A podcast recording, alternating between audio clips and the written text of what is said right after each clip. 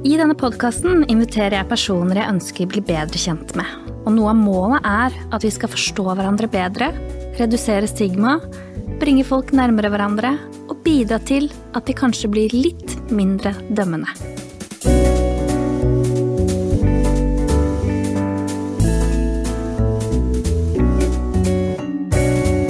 Du lytter til Snakk med Silje. Iversen, eller Øyen Bryn Iversen? Eller? Jeg heter Øyen Iversen.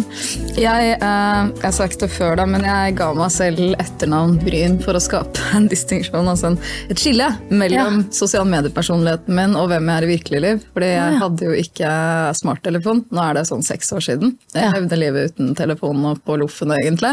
Wow. Eh, og så syns jeg at sosiale medier ikke er virkelighet, så jeg var sånn Jeg har ikke lyst til å ha et eh, virkelig navn, så Nei. Veldig gøy. Det er sånn Øyenbryn, ja. ja, ja. Utrolig pappahumor. Eh, men nei, jeg heter Iversen til etternavn, så nå er jeg på vei bort fra øyenbryn over seriøsitet, siden sosiale medier tydeligvis har blitt en greie i livet mitt. Hmm. Skulle jo ikke være det. Det var jo bare et sånt årsprosjekt, egentlig. Ja.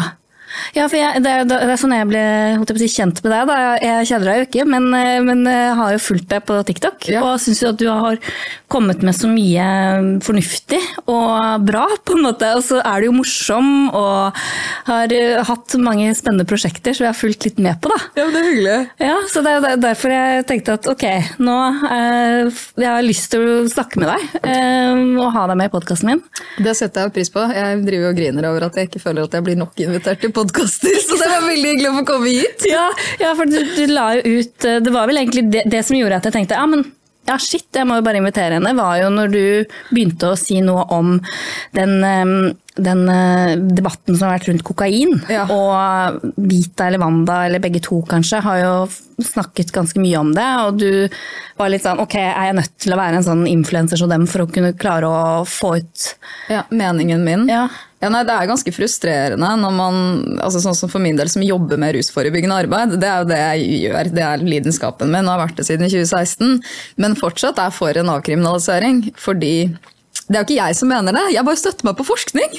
Det har vært et rusreformutvalg som har funnet fram til forskningsmessig, altså empiriske fakta, som er avkriminalisering, vil føre til at vi får mest sannsynlig bedre human ruspolitikk, og kanskje også mindre overdosedødsfall, eller mest sannsynlig.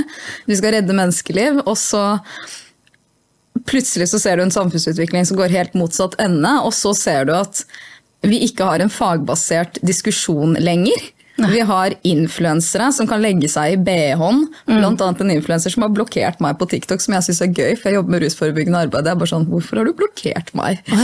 Jeg er ikke jeg, er ikke jeg liksom en av løsningene på det du ber om, da? Ja. Eh, Men nei, som legger seg i BH-en og sier det at nå må vi få slutt på kokainbruken. Nå er det ekstremt mye kokainbruk, og så er det jo sånn, du er jo helt klart i et rusmiljø. Fordi det er bare 5% av den målgruppen som bruker kokain. Ja. Og plutselig så blåser det opp hvor alle skal ha en mening om økt kokainbruk. Selv om de ikke har sett det selv! Nei, det, det, nei, det er det. Så du, du har jo på en måte sett på forskningen, sett på hva som faktisk er tilfellet der ute. og Hva er det du ser da, på en måte? Nei, altså det Jeg ser, jeg er jo ikke fagperson innenfor det her. Jeg brenner for å skape et alternativt dansegulv. Men for meg så er det jo sånn, ok greit, det er 5% av befolkningen, under 5% som har brukt kokain innenfor den målgruppen som er fra hva da, 16 til 26 eller noe sånt, 16 til 30. Som gir en liten økning på kokainbruk. Men for meg som kommer fra et rusmiljø, Ja. som har vært på de festene som de refererer til, så er det viktig at man skaper et skille mellom de som ruser seg, og de som ikke gjør det. Og hvis du ser kokain på fest, da henger du i et rusmiljø. Ikke sant? Fordi der er 95, personer som, 95% som ikke gjør det. Og det er veldig mange ungdom som ikke ruser seg og ikke bruker kokain. Mange flere enn de som gjør det. Så når majoriteten ikke er majoriteten, men får, altså kun når 5% av befolkningen får sin egen rusbruk og sin festkultur til å høres ut som en majoritetsoppfatning, så er det noe alvorlig gærent i samfunnet. Ja. Vi kan ikke la de som roper høyest, sette diskursen for hvordan debatten skal gå. Nei. Og vi kan ikke invitere kunnskapsløse mennesker inn i et debattforum som til syvende og sist nå fører til at jeg vet ikke hva Senterpartiet holder på med, men de har jo tydeligvis lyst til å drive og ulovlig kroppsvisitere og bryte, menneskerettigheter igjen. Er ikke det helt sykt? Det er helt sykt. Altså, jeg, um, jeg er jo enig med deg i at vi må jo avstigmatisere bruken av det, på en måte. Sånn at man ikke har vansker for å oppsøke hjelp eller å, å snakke om det. Og det er jo litt sånn det, du har et rusproblem og du blir straffa for det, så er jo det helt bakvendt. Ja, og det er det jo ingen forskning som viser. Det er ingen forskning som viser at straff fungerer. Det Nei. fungerer ikke preventivt, det fungerer ikke i forhold til det at folk slutter å ruse seg, og i tillegg til det så skaper det det som er samfunnsstigma. Og det vet jo jeg veldig godt, altfor godt, eller kan kjenne altfor godt på kroppen. fordi eh, noen dager etter at jeg var 18, så våknet jeg av at politiet tok seg inn gjennom en verandadør hvor jeg lå og sov eh, sammen med min daværende kjæreste, og eh, anholdt meg med hunder og full politiutrykning og alt. Og det var basert på en telefonsamtale eh, ved mistanke. Mistanke av rusbruk.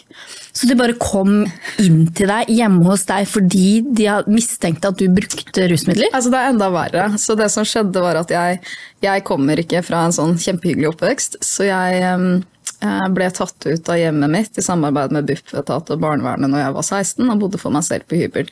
Og droppet ut av videregående og en lang historie kort da, var i et ganske dårlig forhold med en mann som var altfor gammel for meg. Så min mors siste forsøk på kontroll i den settingen var å ringe politiet på meg.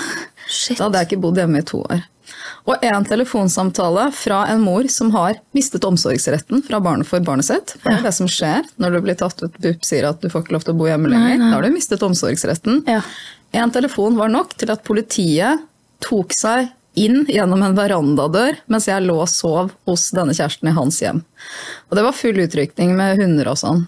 Og så ble jeg tatt med da Altså Husk, dette er bare dager, sånn noen uker etter at jeg har fylt 18.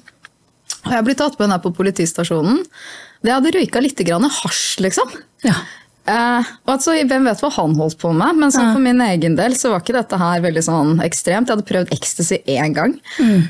Og så kommer de inn, setter på oss håndjern. Jeg blir tatt med ned på politistasjonen. Jeg blir eh, ransaket, kroppsvisitert, helt naken. Jeg hadde mensen, så jeg husker at jeg sitter på huk, og det renner blod ut av vaginaen min. Eh, og liksom de skal kikke inn i hulrommene på kroppen og sånn, og se om jeg oppbevarer noe narkotika på meg selv. Dette er første møtet mitt med politiet. Det første Det er jo helt jævlig. Det er helt jævlig. Hvorfor i all verden skal de sjekke om du har noe i rumpa eller vagina når du er hjemme hos eh, kjæresten din, liksom? Hva- skal, Det er straff. For de skal det, er, det, det er straff. Det gir jo ikke mening. Nei, det gjør det fra et politiet sitt ståsted, fordi de ønsker å skape en så forferdelig opplevelse at jeg ikke ruser meg igjen. Ja. Det er jo det som er poenget. Jeg satt på glattcella i nesten to døgn. Jeg satt over helgen. Aldri vært på glattcelle før pga. mistanke om bruk. Og når de sjekker blodet mitt, så ja, jeg hadde røyket tasj. Så det som skjer er at jeg får en advokat, det ender jo i påtaleunnlatelse. Jeg har jo ikke gjort noe Nei. annet enn å, å, å, å røyke. Men den, den konsekvensen den førte jo ikke til noe annet enn mistillit for politiet. Nei. Um, Og det er jo traumatisk. Det er det kan jo bare øke bruken av rus. Da, ja, det, var det, som, det var jo det som skjedde. Ja. Det er sånn, fuck it, liksom. Hvis dette er sanksjonen for å ta seg en joint, hva er poenget da? Ja. Og jeg trengte jo hjelp i den settingen. I sett på det. etterkant så hadde jeg blitt groomet av en mye eldre mann som hadde introdusert meg for rusmidler. Det er jo ikke greit i det hele tatt. Men det er ikke det jeg møter med politiet skal være. De, og igjen, er det en ulovlig ransaking? Altså, jeg forstår fortsatt ikke til en dag i dag at de kunne ta seg inn gjennom den verandadøren. Nei. Det skjønner jeg ikke. Det, Det var jo ikke fare for liv og helse eller liksom ja, Hvem vet altså, hva moren min har sagt, da? Det er ja, det. ja, så bare en sånn mistanke om å få en telefon, så kan man bare på bakgrunn av den Ja. ene telefonen gjøre egentlig ganske inngripende tiltak, eller jeg vet ikke hva man kaller det engang. Altså, det er jo et helt overgrep. sjukt. Det er et overgrep. Det er nettopp det det er. Og det er ikke bare det at eh, det som skremmer meg, er jo nummer én. Jeg er tatt ut av hjemmet fordi at jeg har ikke en mor som er så veldig snill. Dette er på en måte en måte hun også kan skade meg på. Og det at du kan bruke politiet som virkemiddel for å skade barna dine, det er ganske skremmende, da. Og vi kan ikke være et samfunn hvor vi kan gi angi hverandre. Nei. Og dette er jo nettopp det der. Jeg ble jo angitt til politiet av min egen mor, som har ført til varige traumer. Jeg har ikke tillit til politiet, jeg kommer aldri til å ha det. Jeg er traumatisert for alltid. Sånn er det bare. Jeg glemmer Når vi snakker om det nå, så får jeg sånne visuelle bilder av hvor jævlig det var. liksom. Ja, ikke sant? Så, ja, ja, sant. Så det er litt det at du, du kjenner det på kroppen nå til og med når vi snakker om det så lenge etterpå. da. Ja. Og, og det er jo det jeg også er jo redd for. Jeg er syns jo det er helt horribelt å ha opplevd dette her. Jeg er 34 år gammel nå. Det var som 18-åring, så det er 16 år siden. At vi nå, 16 år etterpå, står med en regjering som skal rettferdiggjøre og påføre unge mennesker samme type opplevelse som jeg hadde. Ingen fortjener det. Nei, og, og så er det så rart òg, fordi det skal jo på en måte De sier jo at det er for å hjelpe folk til å ikke ruse seg. Men, men det er jo helt bakvendt, på en måte. Hvis vi skal hjelpe folk med det, så er det jo helt andre ting som må til, da.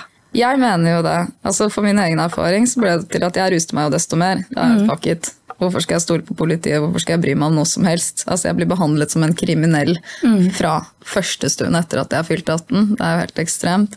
Ja, og da, da blir det liksom del av identiteten. da, for sånn, ja, ja, men Da er jeg kriminell, da. liksom. Da får jeg bare kjøre på, da. Mm. Men rusbruk er jo noe som har med samfunnet å gjøre. Det gjenspeiler hva slags samfunn vi lever i. Det er jo som den kjente YouTube-filmen Ratstopia, har du sett det? Mm. Det er jo helt fantastisk, ikke Ja. sant? Med disse rottene som bor i et bur og har tilgang på heroin. Og jo kjipere buret er, jo mer heroin tar de. Men når de lager Rattopia, da, eller Rat Park, som er det mest fantastiske Det er Tusenfryd. Ja, det er tusenfryd for rottene, så vil de ikke ha heroin lenger. De trenger det ikke fordi de har det så godt i omgivelsene sine. Og det er jo, sånn var det jo for meg, sånn er det for ungdom. Og jeg ser jo det med Morningbeat, som er et av mine virker, da, hvor jeg skaper en rusfri rave-kultur. For jeg syns jo det er altfor mye rusmidler på rave. Det er det jo. Ja. Det er ikke å late som noe annet. Men hvordan skal man få folk til å ta aktive rusfrie valg? Da må man tilbudt et alternativ. Og det alternativet, der må du være på fra du er, går i bleier. på en måte. Fordi Hvis du skal skjønne det at du ikke trenger en øl for å danse, eller en ecstasy for å høre på tekno, da må du oppleve det rusfritt først. Tenker jeg, da. Ja, Det er det jeg gjør. Men det er jo så bra. Altså, så du driver med godt rusforebyggende arbeid. Jeg mener jo det, Ja, men jeg er fortsatt for avkriminalisering. fordi det er det som er forskningsbasert. Det er empiriske fakta. Vi må følge det folk finner ut av gjennom forskning, og slutte å basere oss på følelser. Hvis jeg skulle basert meg på følelser, så hadde jeg sagt at jeg syns ikke, altså sånn, ikke det skal være noen rusmidler i samfunnet i det hele tatt. Fjern de, forby de. Men vi ser at det ikke fungerer. Ja. Så Ja, og, og det er jo noe rart med også å straffe folk for noe de gjør med sin egen kropp. Ja, i det er jeg helt enig i, fordi voksne folk, voksne valg. Um, jeg trekker noen ganger sånn der, det er liksom flåstemmen paralleller til plastisk kirurgi. Ja. For folk får jo lov til å se ut som kattemennesker hvis de har lyst til å Ja, gjøre ja, det. Men du får ikke lov til å putte den opp i nesa. Det skjønner ikke jeg.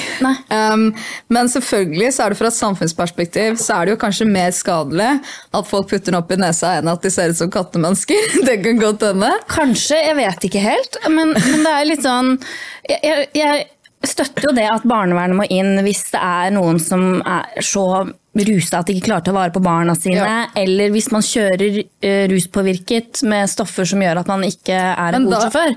Men da går det utover andre, ikke sant? Det. Voksne folk, voksne valg handler ofte om at de valgene man tar, ikke går utover andre enn seg selv. Mm. Um, jeg tror jo altså sånn åh, Det der er så vanskelig, fordi man ruser seg på alt mulig rart. Jeg sitter og drikker kaffe nå, det er også et Ja. Mm. Koffein er kjempesterkt. Ja. Og det, det som er et spørsmål, er jo ofte liksom, hvilke rusmidler skal være lovlige eller ikke i Mm. et samfunn. Hvorfor er de vi har lovlige, og hvorfor skal vi avkriminalisere? Og det er jo der vi er nå. Vi må jo være der istedenfor å være sånn nei, nå skal vi straffe enda hardere, og så skal vi gjøre noe som er grunnlovsstridig, som også er å skille mellom mennesker, så det skal ikke være likhet for loven lenger. Nei. Det syns jeg er skremmende. Ja, ja og, du, og jeg så jo en episode, holdt jeg på å si, episode sier man det på TikTok, du også la ut bare sånn har jeg, har jeg våkna opp i Orwells 1984, liksom? For det, det, det Ja, for Ja. Sånn føles det jo ut da, når du så har en regjering som skal sette ned tre advokater som skal finne ut av om det er hjemmel å skille mellom tunge rusbrukere og de som bruker det rekreasjonelt. Det, det er liksom ja. hvem, skal, hvem skal vurdere det? Det har jeg lurt veldig på. Det går jo ikke an! Det er jo grunnlovsstridig. Da er det ikke likhet for loven lenger. Nei. Og, og det, det er jo ikke mulig å gjøre. Det er ikke, altså sånn, Uansett hva slags gjennomføring som gjøres der, så er det ikke mulig fordi det strider med norsk grunnlov. Men allikevel så har vi en regjering som pusher frem sin egen agenda. Da. Og så lurer jeg på hvorfor de gjør det også akkurat nå. Om det, altså, jeg, jeg føler at rusavhengige og denne rusdebatten har brukt som politisk makt, blitt brukt som politisk maktspill ganske lenge. Og det syns jeg er veldig sånn urovekkende å se på. Og derfor så føles det litt at man er et totalitært samfunn. Ja, Ja, for du, du kjenner jo det, og at nå er det på en måte Det er, det er fritt vilt, da. Ja. Hvis du bruker noen rusmidler, så kan de egentlig bare Eller hvis det er en mistanke om at du bruker et rusmiddel, så kan de egentlig bare gjøre som de vil, da. Ja, men det er, ja, det er nettopp det. Og jeg har jo opplevd det, fordi mistanke om rusbruk førte til at jeg ble arrestert, og mest sannsynlig politiet tok seg ulovlig inn på en adresse, ikke vet jeg. Men vi kan ikke leve i et samfunn hvor vi skiller på mennesker og sier at du Altså, vi kan ikke ha instanser som definerer hva rusavhengighet er. Det, blir en, det er et veldig skummelt samfunn, og vi kan ikke leve i et angivelsessamfunn. Og det jeg syns er skumlest av alt, da, som er ganske, en ganske fri sjel, er å sitte og se på at rettighetene mine sakte blir tatt fra meg. Altså, det starter jo med at du får innskrenkede abortrettigheter i Norge, noe vi fikk, som er skummelt som kvinne, uavhengig av hva som ligger bak. Det er fortsatt en rettighet som blir tatt fra deg. Og så kommer det flere rettigheter som blir tatt fra meg. Personvernet mitt forsvinner, og nå skal det være mulig å kunne angi meg for mistanke om bruk av narkotika. Dette, altså sånn, dette er som sagt lover som ikke er gjennomført ennå, men de ønsker å skape en norsk lov som gir deg politiet virkemidler, ulovlige tvangsmidler, og som går mot menneskerettigheter. Og, og jeg føler meg jo ikke akkurat sånn veldig trygg i mitt eget hjem hvis jeg kan oppleve det jeg opplevde for 18 år siden, at noen kan ringe og si til politiet at nei, vi tror at Øyunn har en ecstasy-fabrikk eh, mm. på badet sitt, og så våkner jeg i senga mi av at det kommer en eh, razzia. Ja, Forferdelig. Så, så- sånn kan vi jo ikke ha det. Hvis det er samfunnsutviklingen, så må den stoppes nå. Og det er sånn det føles på, det er tatt i det ekstreme. Og så, og så kommer det på, hva var det, på debatten at eh, en influenser står der som egentlig ikke har peiling på hva hun snakker om, og bare kan snakke fritt om at eh, alle som driver med det er tapere, liksom. Ja, Som syns at det er jævlig kult å drikke seg dritings. Ja. Jeg var eh, på 17. mai, edru på vei hjem klokka ti. Det var helt jævlig gjennom Ja. Oslo. Og jeg blir sånn her, her er vi i et samfunn nå hvor vi på den ene siden skal virkelig sånn skape stigma rundt det som er ulovlige rusmidler, mens lovlige rusmidler, der er det ikke samfunnsstigma. Det gir ingen mening. Kognitivt svikt, da, for meg i hvert fall. Det er sånn at Antennene mine bare Ja, ja, ja, altså, jeg skal innrømme det, jeg var rusa på 17. mai, jeg, men jeg var på champagne, da, så det er liksom, og da er det greit, Da er det liksom. greit, liksom. Og, du kan være, og det er jo det, altså, hvis du ser i samfunnet også, så er det jo ikke akkurat positivt at folk er drita midt på dagen. Eh, altså, folk, folk, blir jo, folk blir jo aggressive og gjør mye rart. Da. Altså, Jeg pleide å snorte to gram cola på 17. mai og drikke champagne. Jeg. Det var kjempegøy, det. Men det er ingen som sier at det er sunt eller bra for samfunnet. Um, men eh, jeg har jo nå til gode å oppleve det at eh, unge menn begynner å slåss på trikken mens jeg er på vei hjem. Jeg skulle jo til Ski, ikke sant. Mm. Ja. Og så sitter jeg på trikken og klokka er sånn ti, for jeg skal rekke siste tog hjem. Ikke siste tog hjem, jeg skal komme hjem i god tid, egentlig. Mm. Ja. Da hadde jeg vært fest hele dagen, jeg er sliten sosialt. Jeg sitter og spiller geni. Og så sitter jeg liksom og leser nyheter. Og så ser jeg plutselig det er så- altså sånn, Dette er jo bare én av de utallige 17. mai-historiene som sikkert foregikk. da. Men så ser jeg to unge menn. Og det er den der, Du har hørt om det som heter blikking, ikke sant? Som ja. Jeg, jeg, bare, jeg finner så mye humor i det. Fordi jeg, jeg skjønner Bare se stygt på hverandre, Ja, se liksom, stygt på hverandre, ja. så er det grunnlag for å gå til fysisk angrep Ja, på hverandre. Det er sånn, Nå må vi jobbe med følelsene våre. jeg tror man lærer det i barnehagen. at egentlig, liksom, Det er ingen som ser stygt på det, de tenker sikkert på noe annet. men Mm. uavhengig av det. Så er det en som blikker han andre, da. og det neste øyeblikket så er det en ung mann i dress som kommer flyvende gjennom trikken for å ta kvelertak. Liksom. Shit. Og jeg bare tenker sånn, ok, det her er jo helt sinnssykt. Og dette er akseptert oppførsel, da. Det er jo ikke sånn at eh, jeg blir sånn sjokk. Å, herregud! Det er liksom, Jeg begynner jo nesten å le, ikke sant? Ja. fordi jeg er så indoktrinert i forhold til at dette er helt greit. Ja. Ja, så, sånn har vi i samfunnet vårt. Når Ja. jeg drikker, så kan vi gjøre veldig rare ting, og Ja. så etterpå så er det liksom Ja, men det, jeg, det var bare fylla og skylda, liksom. Jeg har reist mye, da, og ja, jeg har fylla skylda. Den er morsom. Jeg har reist mye, og jeg har jo hatt noen av reisevennene mine på besøk i Norge.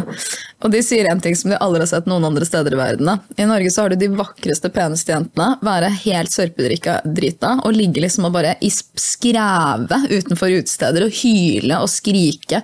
Og være sånn så utagerende som de aldri har sett jenter være på byen før. Fordi vi er så altså Folk har jo på en måte alkoholoverdose.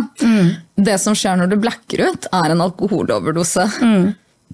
Det er ganske sykt å tenke på. At Ja. da har du tatt for mye alkohol. Ja, og det har skjedd meg, jeg skal innrømme det. Ja, Altså, jeg også er velfungerende blackout-person. Mm. Men det er også sånn at vi er et samfunn som har akseptert at du kan drikke deg til en overdose på et rusmiddel.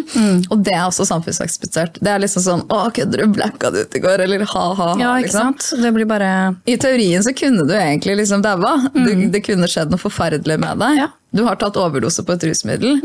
Men det snakker man jo ikke om. Nei, det er jo veldig mye skader knytta til alkohol. øh, Og det ser man jo når man ser på disse plansjene, holdt jeg på å si. Når du ser hvor skadelig er et rusmiddel, så, så kommer det veldig tydelig frem at øh, alkohol er jo ganske langt øh, oppe. Ja, jeg drikker jo veldig veldig lite etter tre år med fire, nå fire, fjerde år på rusfrihet. Sånn rusfri-ish, da, for det er det man skåler jo champagne når noen gifter seg. Liksom. Ja, ja.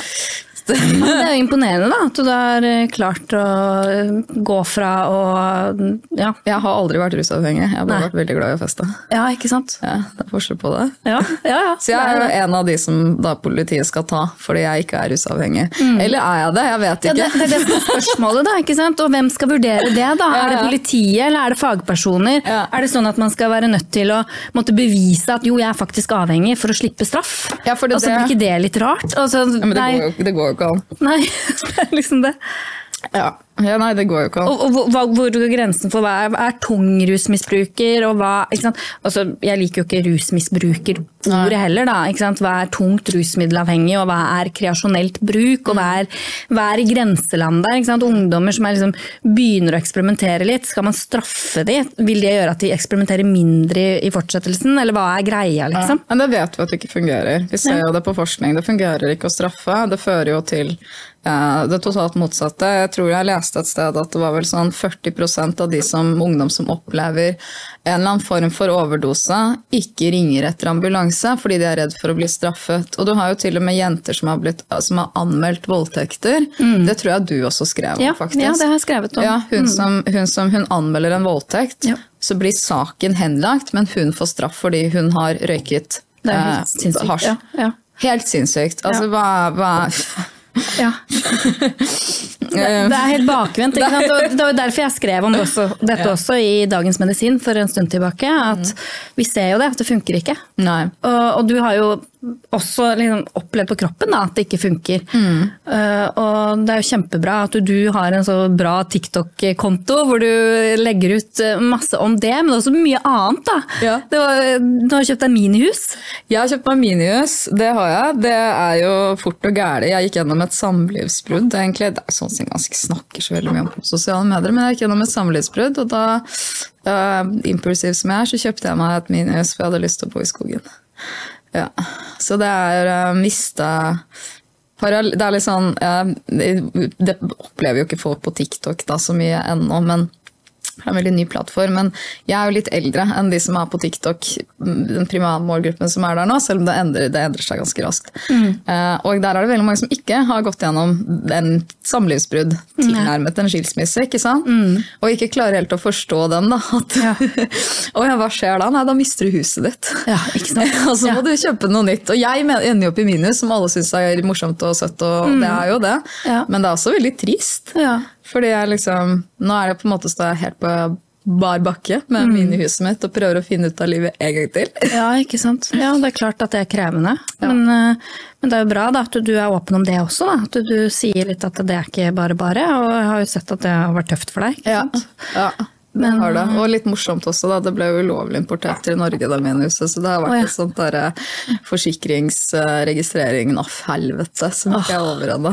Styr. Ja, det er styr. Ja, ja. Sånn er det når du kjøper deg impulsivt minihus. Da blir det litt styr. Ja, du har det med å gjøre litt sånne impulsive ting, har jeg skjønt. Eh, Det, det, ja, det følger vel med det å være bipolar, da. Eh, Vet du hva? Det kan godt hende at det bare er personligheten min også. Så Ja. det er ikke helt sikkert. Det er ikke Nei. alt som er typomani, vet du. Nei, nei, nei, nei, det er det. Og det også er jo litt sånn Folk er jo så forskjellige også med en sånn type lidelse, da. Ja. At eh, det er jo mye som spiller inn.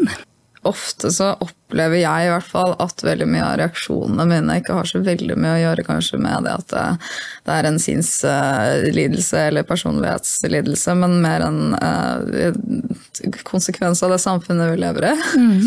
Jeg sliter veldig med at det er sånn mangel på empatisk utvikling hos mennesker, og syns nyheter kan være forferdelig innimellom. Ja.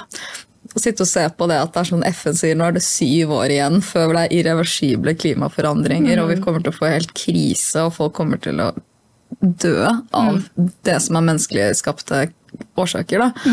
Og, så, og det er sånn man blir deprimert av. Ja. Men det har ikke så veldig mye å gjøre med noe annet enn det. Det er bare å sitte og se på at det er sånn, du sitter på et tog på vei ned i helvete. Vi sitter på første klasse, da, så Ja. sånn sett så er det deilig. Ja, ja, ja, ja. Men det er liksom, utover, liksom. mm, Og Du har bare lyst til å dra i en nødbrems, men det, er, det ser ikke ut som noen andre har lyst til å hjelpe deg med å dra i den. Så man Nei, sitter og står alene og sitter Ja. joiker. Ja. ja, så det er litt det at uh, det har jo noe med måten du forholder deg til disse tingene på, da. Ja. Og, så, og så ser du at nei, men andre folk uh, har ikke den samme reaksjonen på det, på et eller annet vis. Jeg syns det sliter med å balansere følelsene mine. Jeg blir Mm. veldig revet med. Og det er jo samfunnsutvikling. Jeg, jeg bryr meg jo om Ja, samfunnet. Jeg er en del av. Jeg har jo lyst til å endre det. Mm. Men da blir jeg jo kjempeforstyrret og beveget av ting som jeg ser rundt meg. Ja.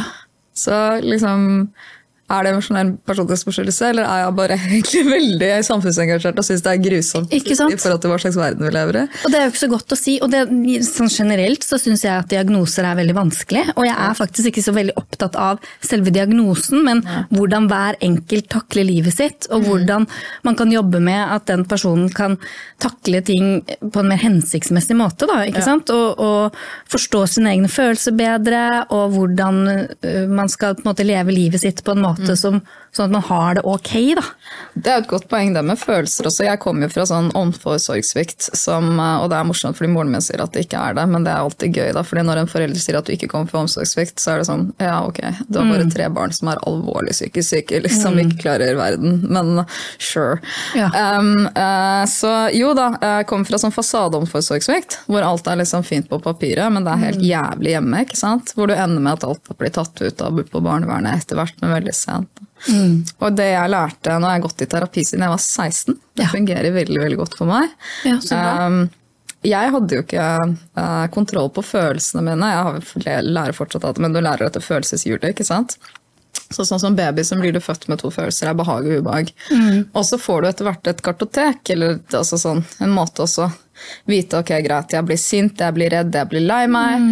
Etter hvert så finner du ut at du kanskje ikke er så lei deg, men du er kanskje indignert. Mm. Eller du er kanskje litt sånn støtt, eller du er såra, eller du kanskje kjenner på skam, og det er det som utløser en følelsesreaksjon. Da. Mm.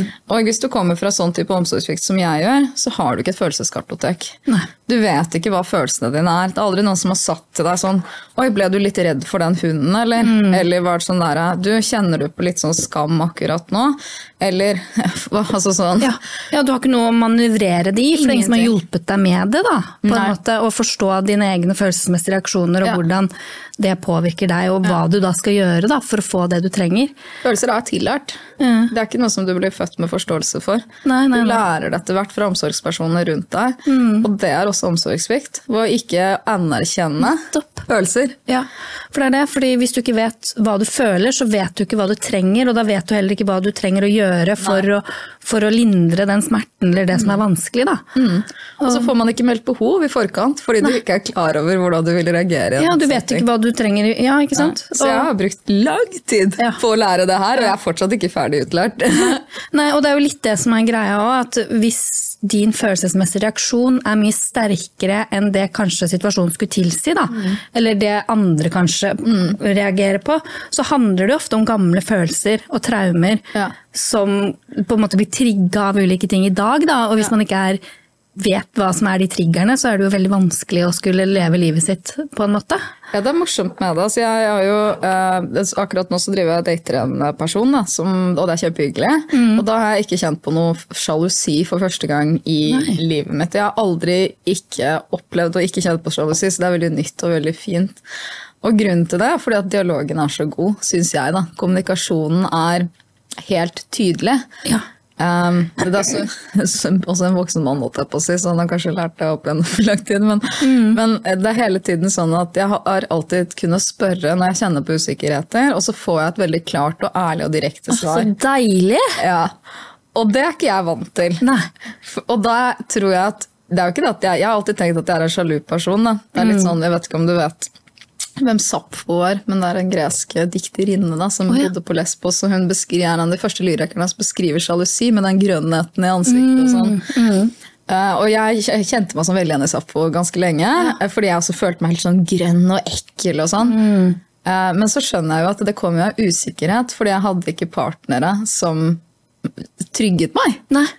Nei, hvis du er vant til det, så er det jo klart at du forventer i fortsettelsen at det vil være Ja. sånn, da. Og også opplevd utroskap, ikke sant? Ja. som også igjen du ser etter de samme tegnene. Mm. Og her har jeg liksom eh, altså, en mann som på en måte, Jeg ser han ikke så veldig ofte, to ganger i uken kanskje, eller én.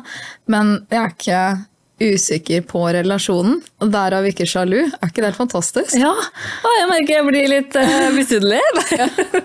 Men så bra. Ja. Jeg er et situationship, da, så det er ikke så mye å være misunnelig på. Det, er, ja, det er et nytt ord. Ja. Jeg, må, så måtte snakke med psykologen min om det. Bare, Hva faen er det her for noe, egentlig? Ja. Det er en sånn ny greie. Det er at du ikke er et relationship, men du er et situationship. hva, hva er egentlig det, da? Det Nei, jeg. det er at du ikke har blitt kjærester ennå. så det er Ah, mellom, Dere er på datestadiet, da, ja, som det man er sier på mellom dating og forhold. Ja. Så du, har liksom, du er ferdig, for du dater bare én person, ikke Ja. sant? men du er ikke blitt sammen med det ennå.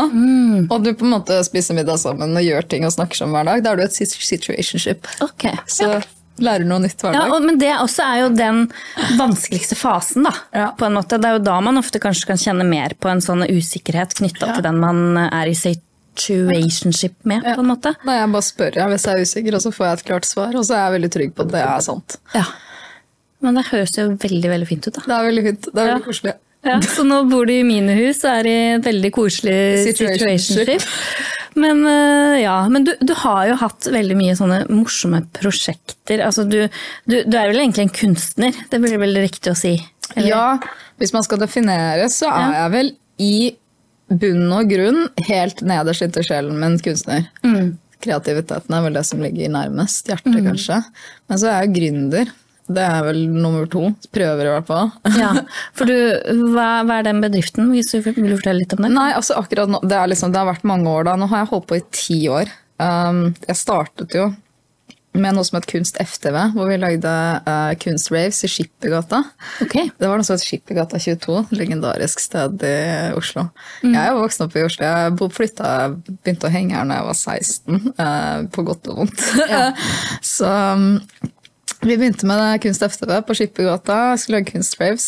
Eh, det var gøy. Og så endret nok jeg meg litt som menneske, så jeg begynte å jobbe med det motsatte av å lage raves, og det var rusforebyggende tiltak gjennom da f.eks. Morningbit, som er et eh, rusforebyggende morgenrave-konsept. Eh, Men så tok gründermorensen meg til Brugata, fordi jeg fikk en bygård av Ton.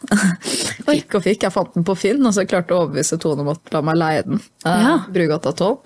Eh, Det var første store prosjektet mitt. Jeg prøvde å lage et rusfritt kulturhus i Brugata. Wow. Det gikk ikke. Nei. Endte med det totalt motsatte. Men jeg tror jeg fikk påvirket veldig mange menneskeskjebner i en positiv retning uansett. Ja, så bra. Og så etter det så er det sånn, du vet jeg, har, har du hørt om synkronisitet? Ja, at, øh, at ting liksom faller liksom på plass av seg selv, eller? Ja, på en måte. ikke sant? Det er eh, Hvis man tenker over livet da, som en slags sånn syklus, at du har mange veier du kan velge. Eh, og så handler synkronisiteten om å følge magefølelsen i forhold til den veien du skal velge. Så du vil få ting som åpenbarer seg foran deg. da. Ja. Uh, og Nå husker jeg ikke hvem som skrev den boken, men jeg leste en bok om synkronisitet for ganske lenge siden. Og da var jeg sånn, ok greit, dette her høres veldig ut som hvordan jeg har lyst til å leve livet mitt. Så Ja. jeg har egentlig bare fulgt de åpne dørene som jeg ser Wow. åpner seg for meg. Og Ja. det er jo sånn som jeg har havnet der som jeg er nå. Ja. Så da er det veldig lang historie fra dette rusfrie kulturhuset. Så er det inn og ut av å jobbe med markedsføring. Eh, jobbe med undervisning, forelesning, lage kunstkulturer. Og havne hit jeg er nå, som er på en måte at jeg driver med mitt eget virke, som er kunstvirke. Men jeg prøver jo også på godt og vondt å bygge opp en slags form for en sånn konsernstruktur, da, som har da kunst og brukte klær, som er det jeg bryr meg om. Fordi at jeg vil at folk skal kjøpe kunst fra kunstnere, og kjøp, ikke kjøpe nye klær, kjøpe brukte klær. og så holder jeg foredrag om organisasjonsutvikling, og om å gå fra visjon til virkelighet. Ja. Det å ta en idé og sette den ut i det virkelige livet. Og så har vi Morning Beat og Morning Beat-festivalen og eh, Cosmic Care og alt som handler om å tilby et alternativ, en rusfri arena, der det er mye rus. Og det er på festivaler, og det er på EDM-arrangementer, altså elektronisk dansemusikk, techno, trans, hardstyle, whatever. Og også være Nå har jeg lyst til å være også med Morning Beat-konseptet på de festivalene der det er mye rus, men å ha på en måte at dette er Her er det folk som ikke er rusa, her er det mennesker som du kan snakke med. Mm. jeg, jeg har jo reist veldig veldig mye og vært på veldig mye festivaler. Og en av de beste festivalene jeg har vært på, det er Boom i Portugal. Jeg har vært et par ganger. Eh, hvor de har Cosmic Care, hvor det er sånn at hvis du f.eks. har tatt for mye syre, så kan du gå og snakke med en psykolog som kan hjelpe deg til å ikke ha en bad trip. og kanskje gjøre noe Så bra. Ja, veldig viktig. Harm reduction, ikke sant? Foreningen for tryggere ruspolitikk gjør noe av det lignende nå i, i Norge. Men jeg har også lyst til å fortsette å videreutvikle de ideene. Og så være den personen som er rusfri i rusa settinger, er ganske krevende. Så, Ja, fordi du ser ganske mye grusomme ting. Ja. ja. Men det høres jo ut som at du har Det er jo en sånn indre motivasjon da, og et sånt indre kompass du har fulgt for å på en måte finne ut av hva du skal gjøre og hvordan du skal gjøre det på en eller annen måte. Ja, det er det jo helt sikkert. Da. Det handler jo om å være et godt menneske. Men det er også godhet kommer jo også fram for på egoisme. Så liksom, jeg mener Jo, jo, men, men det høres ut som at du har hatt ikke, Du har ikke hatt et mål om å tjene penger, liksom. Nei, men det har jeg ikke, fordi jeg er født i Norge. Jeg har nok uansett hva som skjer med meg. Ikke sant? Jeg synes det er helt um, ja, Det jeg ikke forstår Jeg er veldig lykkelig. Sånn, jeg er kjempelykkelig som menneske. Jeg har vært det veldig lenge. Fordi jeg har nok. Ja. Så lenge jeg altså sånn, Gi meg naturen, skauen og en kniv, liksom, en fiskestang, så har jeg nok. ja. Så du klarer deg på en måte? Ja, men jeg, jeg, jeg, i det øyeblikket jeg slutta å kjøpe klær, så ble jeg så mye mer lykkelig. Fordi fast fashion gjør meg noe med hudet ditt. ass. I det øyeblikket jeg var sånn, nei, jeg er militant på det at jeg ikke skal kjøpe nye klær, Ja. så fjernet jeg en av de derre det, jeg føler det er sånne, der, um, det er sånne tri, samfunnstriggere som kommer fra jeg vet, mangel på kapitalisme, da, eller markedskreftene, handelsstaten, som fører til at du, du, du har det kjipt med deg selv. Ja. Og en av de er sånn du trenger nye klær, du trenger å følge mote, du trenger å følge rett samfunnsretninger, være trendy, eller bare det med sosial status gjennom klær. ja. Og i det øyeblikket jeg fjernet den fra livet mitt, og nå er vi på år 11, fy fader, det funker som faen, altså. ja. Jeg har, det, har det så bra med meg Så du har på en måte blitt litt sånn kvitt det der litt sånn materialistiske, destruktive i livet ditt, da? Det er nettopp det. Jeg har vært så militant bærekraftig, fordi jeg vil være den endringen jeg ønsker å se. Og jeg er, jeg er superopptatt av bærekraft, fordi jeg vil jo gjerne at vi skal etterlate en planet for fremtidige generasjoner som er koselig og fin å bo på, og gjerne et utopia istedenfor et dystopia, som er det det Ja, ser ut som ja, ja, ja. på vei inn i nå. Og da må jeg jo leve sånn, så jeg lever jo ekstremt bærekraftig. Mm. Men det gir meg så jævlig mye lykke. Ja, men gjenbruk er jo bra uansett. At vi ikke, det er sånn bruk og kast-samfunn, på Ja, en så måte. fjerner det bare så innmari stress fra livet, liksom. Det er liksom sånn hige etter en eller annen form for sosial status. Det er så slitsomt. Jeg skjønner ikke at folk orker i det hele tatt. Vi som er på sosiale medier også, det er også en ting som jeg tenker veldig mye over. Jeg selger ikke sjela mi for å drive og få 5000 kroner for å reklamere for en annen hårfjerningsmaskin. Nei. Det er det veldig mange mennesker som gjør. Og jeg tror bare det er ikke noe vits å bli med på den type samfunnsutfordring. Altså sånn, alle har jo nok ting i Norge, liksom.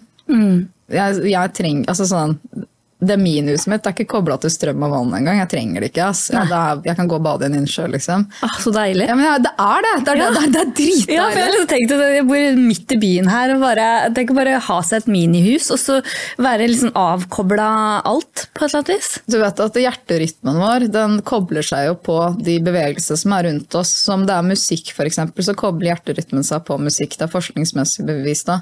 Og når vi ser på havet, så kobler hjerterytmen vår på, seg på havet og drønningene. Men også på innsjø, altså rett og slett de bevegelsene som er rundt oss.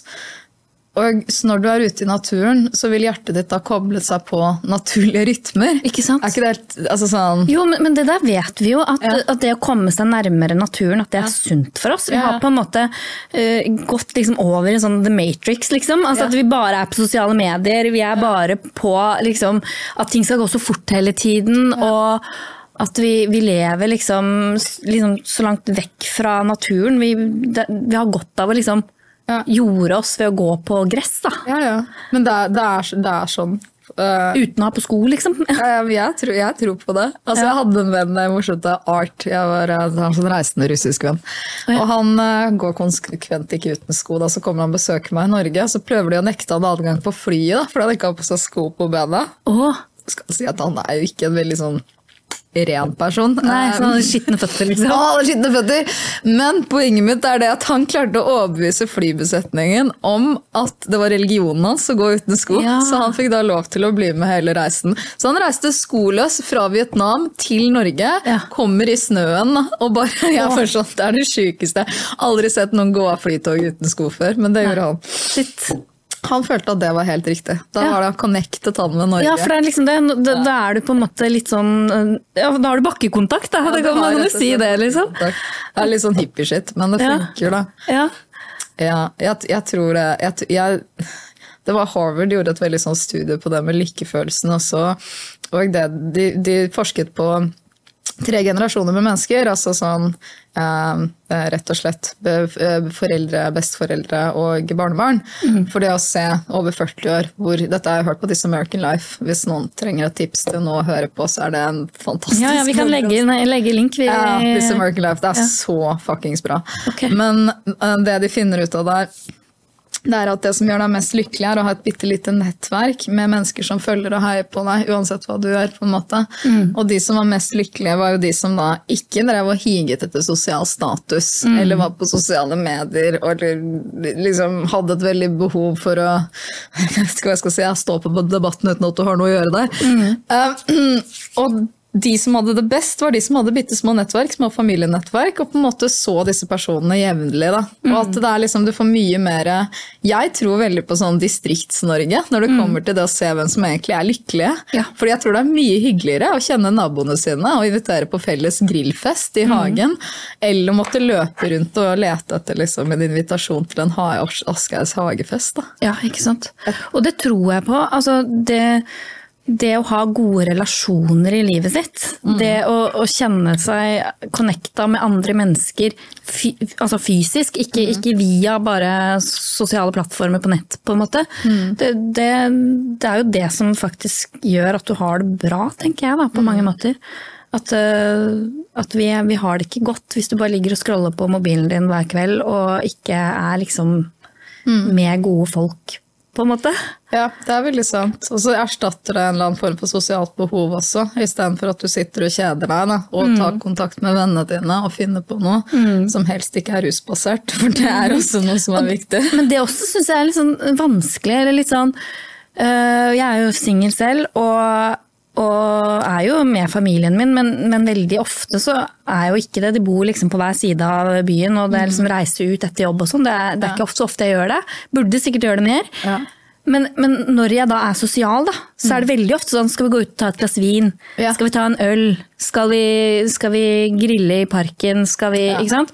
Og da blir det jo på en måte Det er veldig mye sånne sosiale ting hvor det på en måte er bare forventning om at det skal være noe alkohol der, da, når, når du er singel og bor midt i byen, liksom. Altså det er jo ikke, og det er ikke bare sånn singel, men jeg kjenner meg veldig igjen i det du sier. For jeg er også på sånn, det er sånn du kommer i denne etableringsfasen i livet. ikke sant? Jeg er 34, jeg er ikke helt klar for å få barn ennå, har lyst på det senere i livet.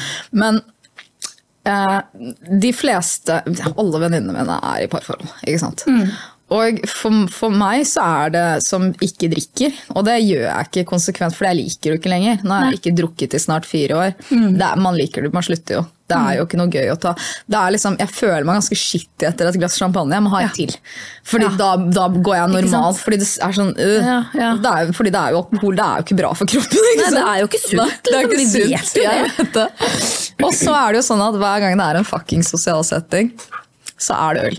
Mm. Det er øl på stranda, det er øl på bowling, det er øl om vi skal spille kubb i parken, Mm. det er skal vi på skitur, altså hyttetur, uansett hva slags samfunnssettinger som jeg skal være i, så skal det være alkohol. Mm. Og jeg blir så jævlig lei av å være hun som er rar bare fordi hun ikke har lyst til å drikke. Altså jeg blir liksom sånn der, Må jeg få noen kristne venner, eller hvor Mm. Er vi her? Eller, eller muslimske for den saks skyld. Ja. Fordi det, det eneste aspektet i det norske samfunnet hvor folk ikke drikker, er jo tydeligvis religiøse. Mm. Eller avholdsbevegelser. Og for meg som er sånn av og til, da, som også er en veldig fin eh, fin tjeneste som fins av og til. Ja, jeg har hørt om det. Ja, du hørte det. Um, så syns jeg det er veldig sånn få steder hvor jeg kan være. Da. Det er, og jeg prøver hele tiden å sånn få venninnene mine til å bli med på å gjøre aktiviteter uten at vi ruser oss på alkohol. Mm. Men den, det er så indoktrinert at det er jævlig vanskelig. Ja, for det er en stor del av samfunnet vårt. Det norske Altså, samfunnet. Ja, ja.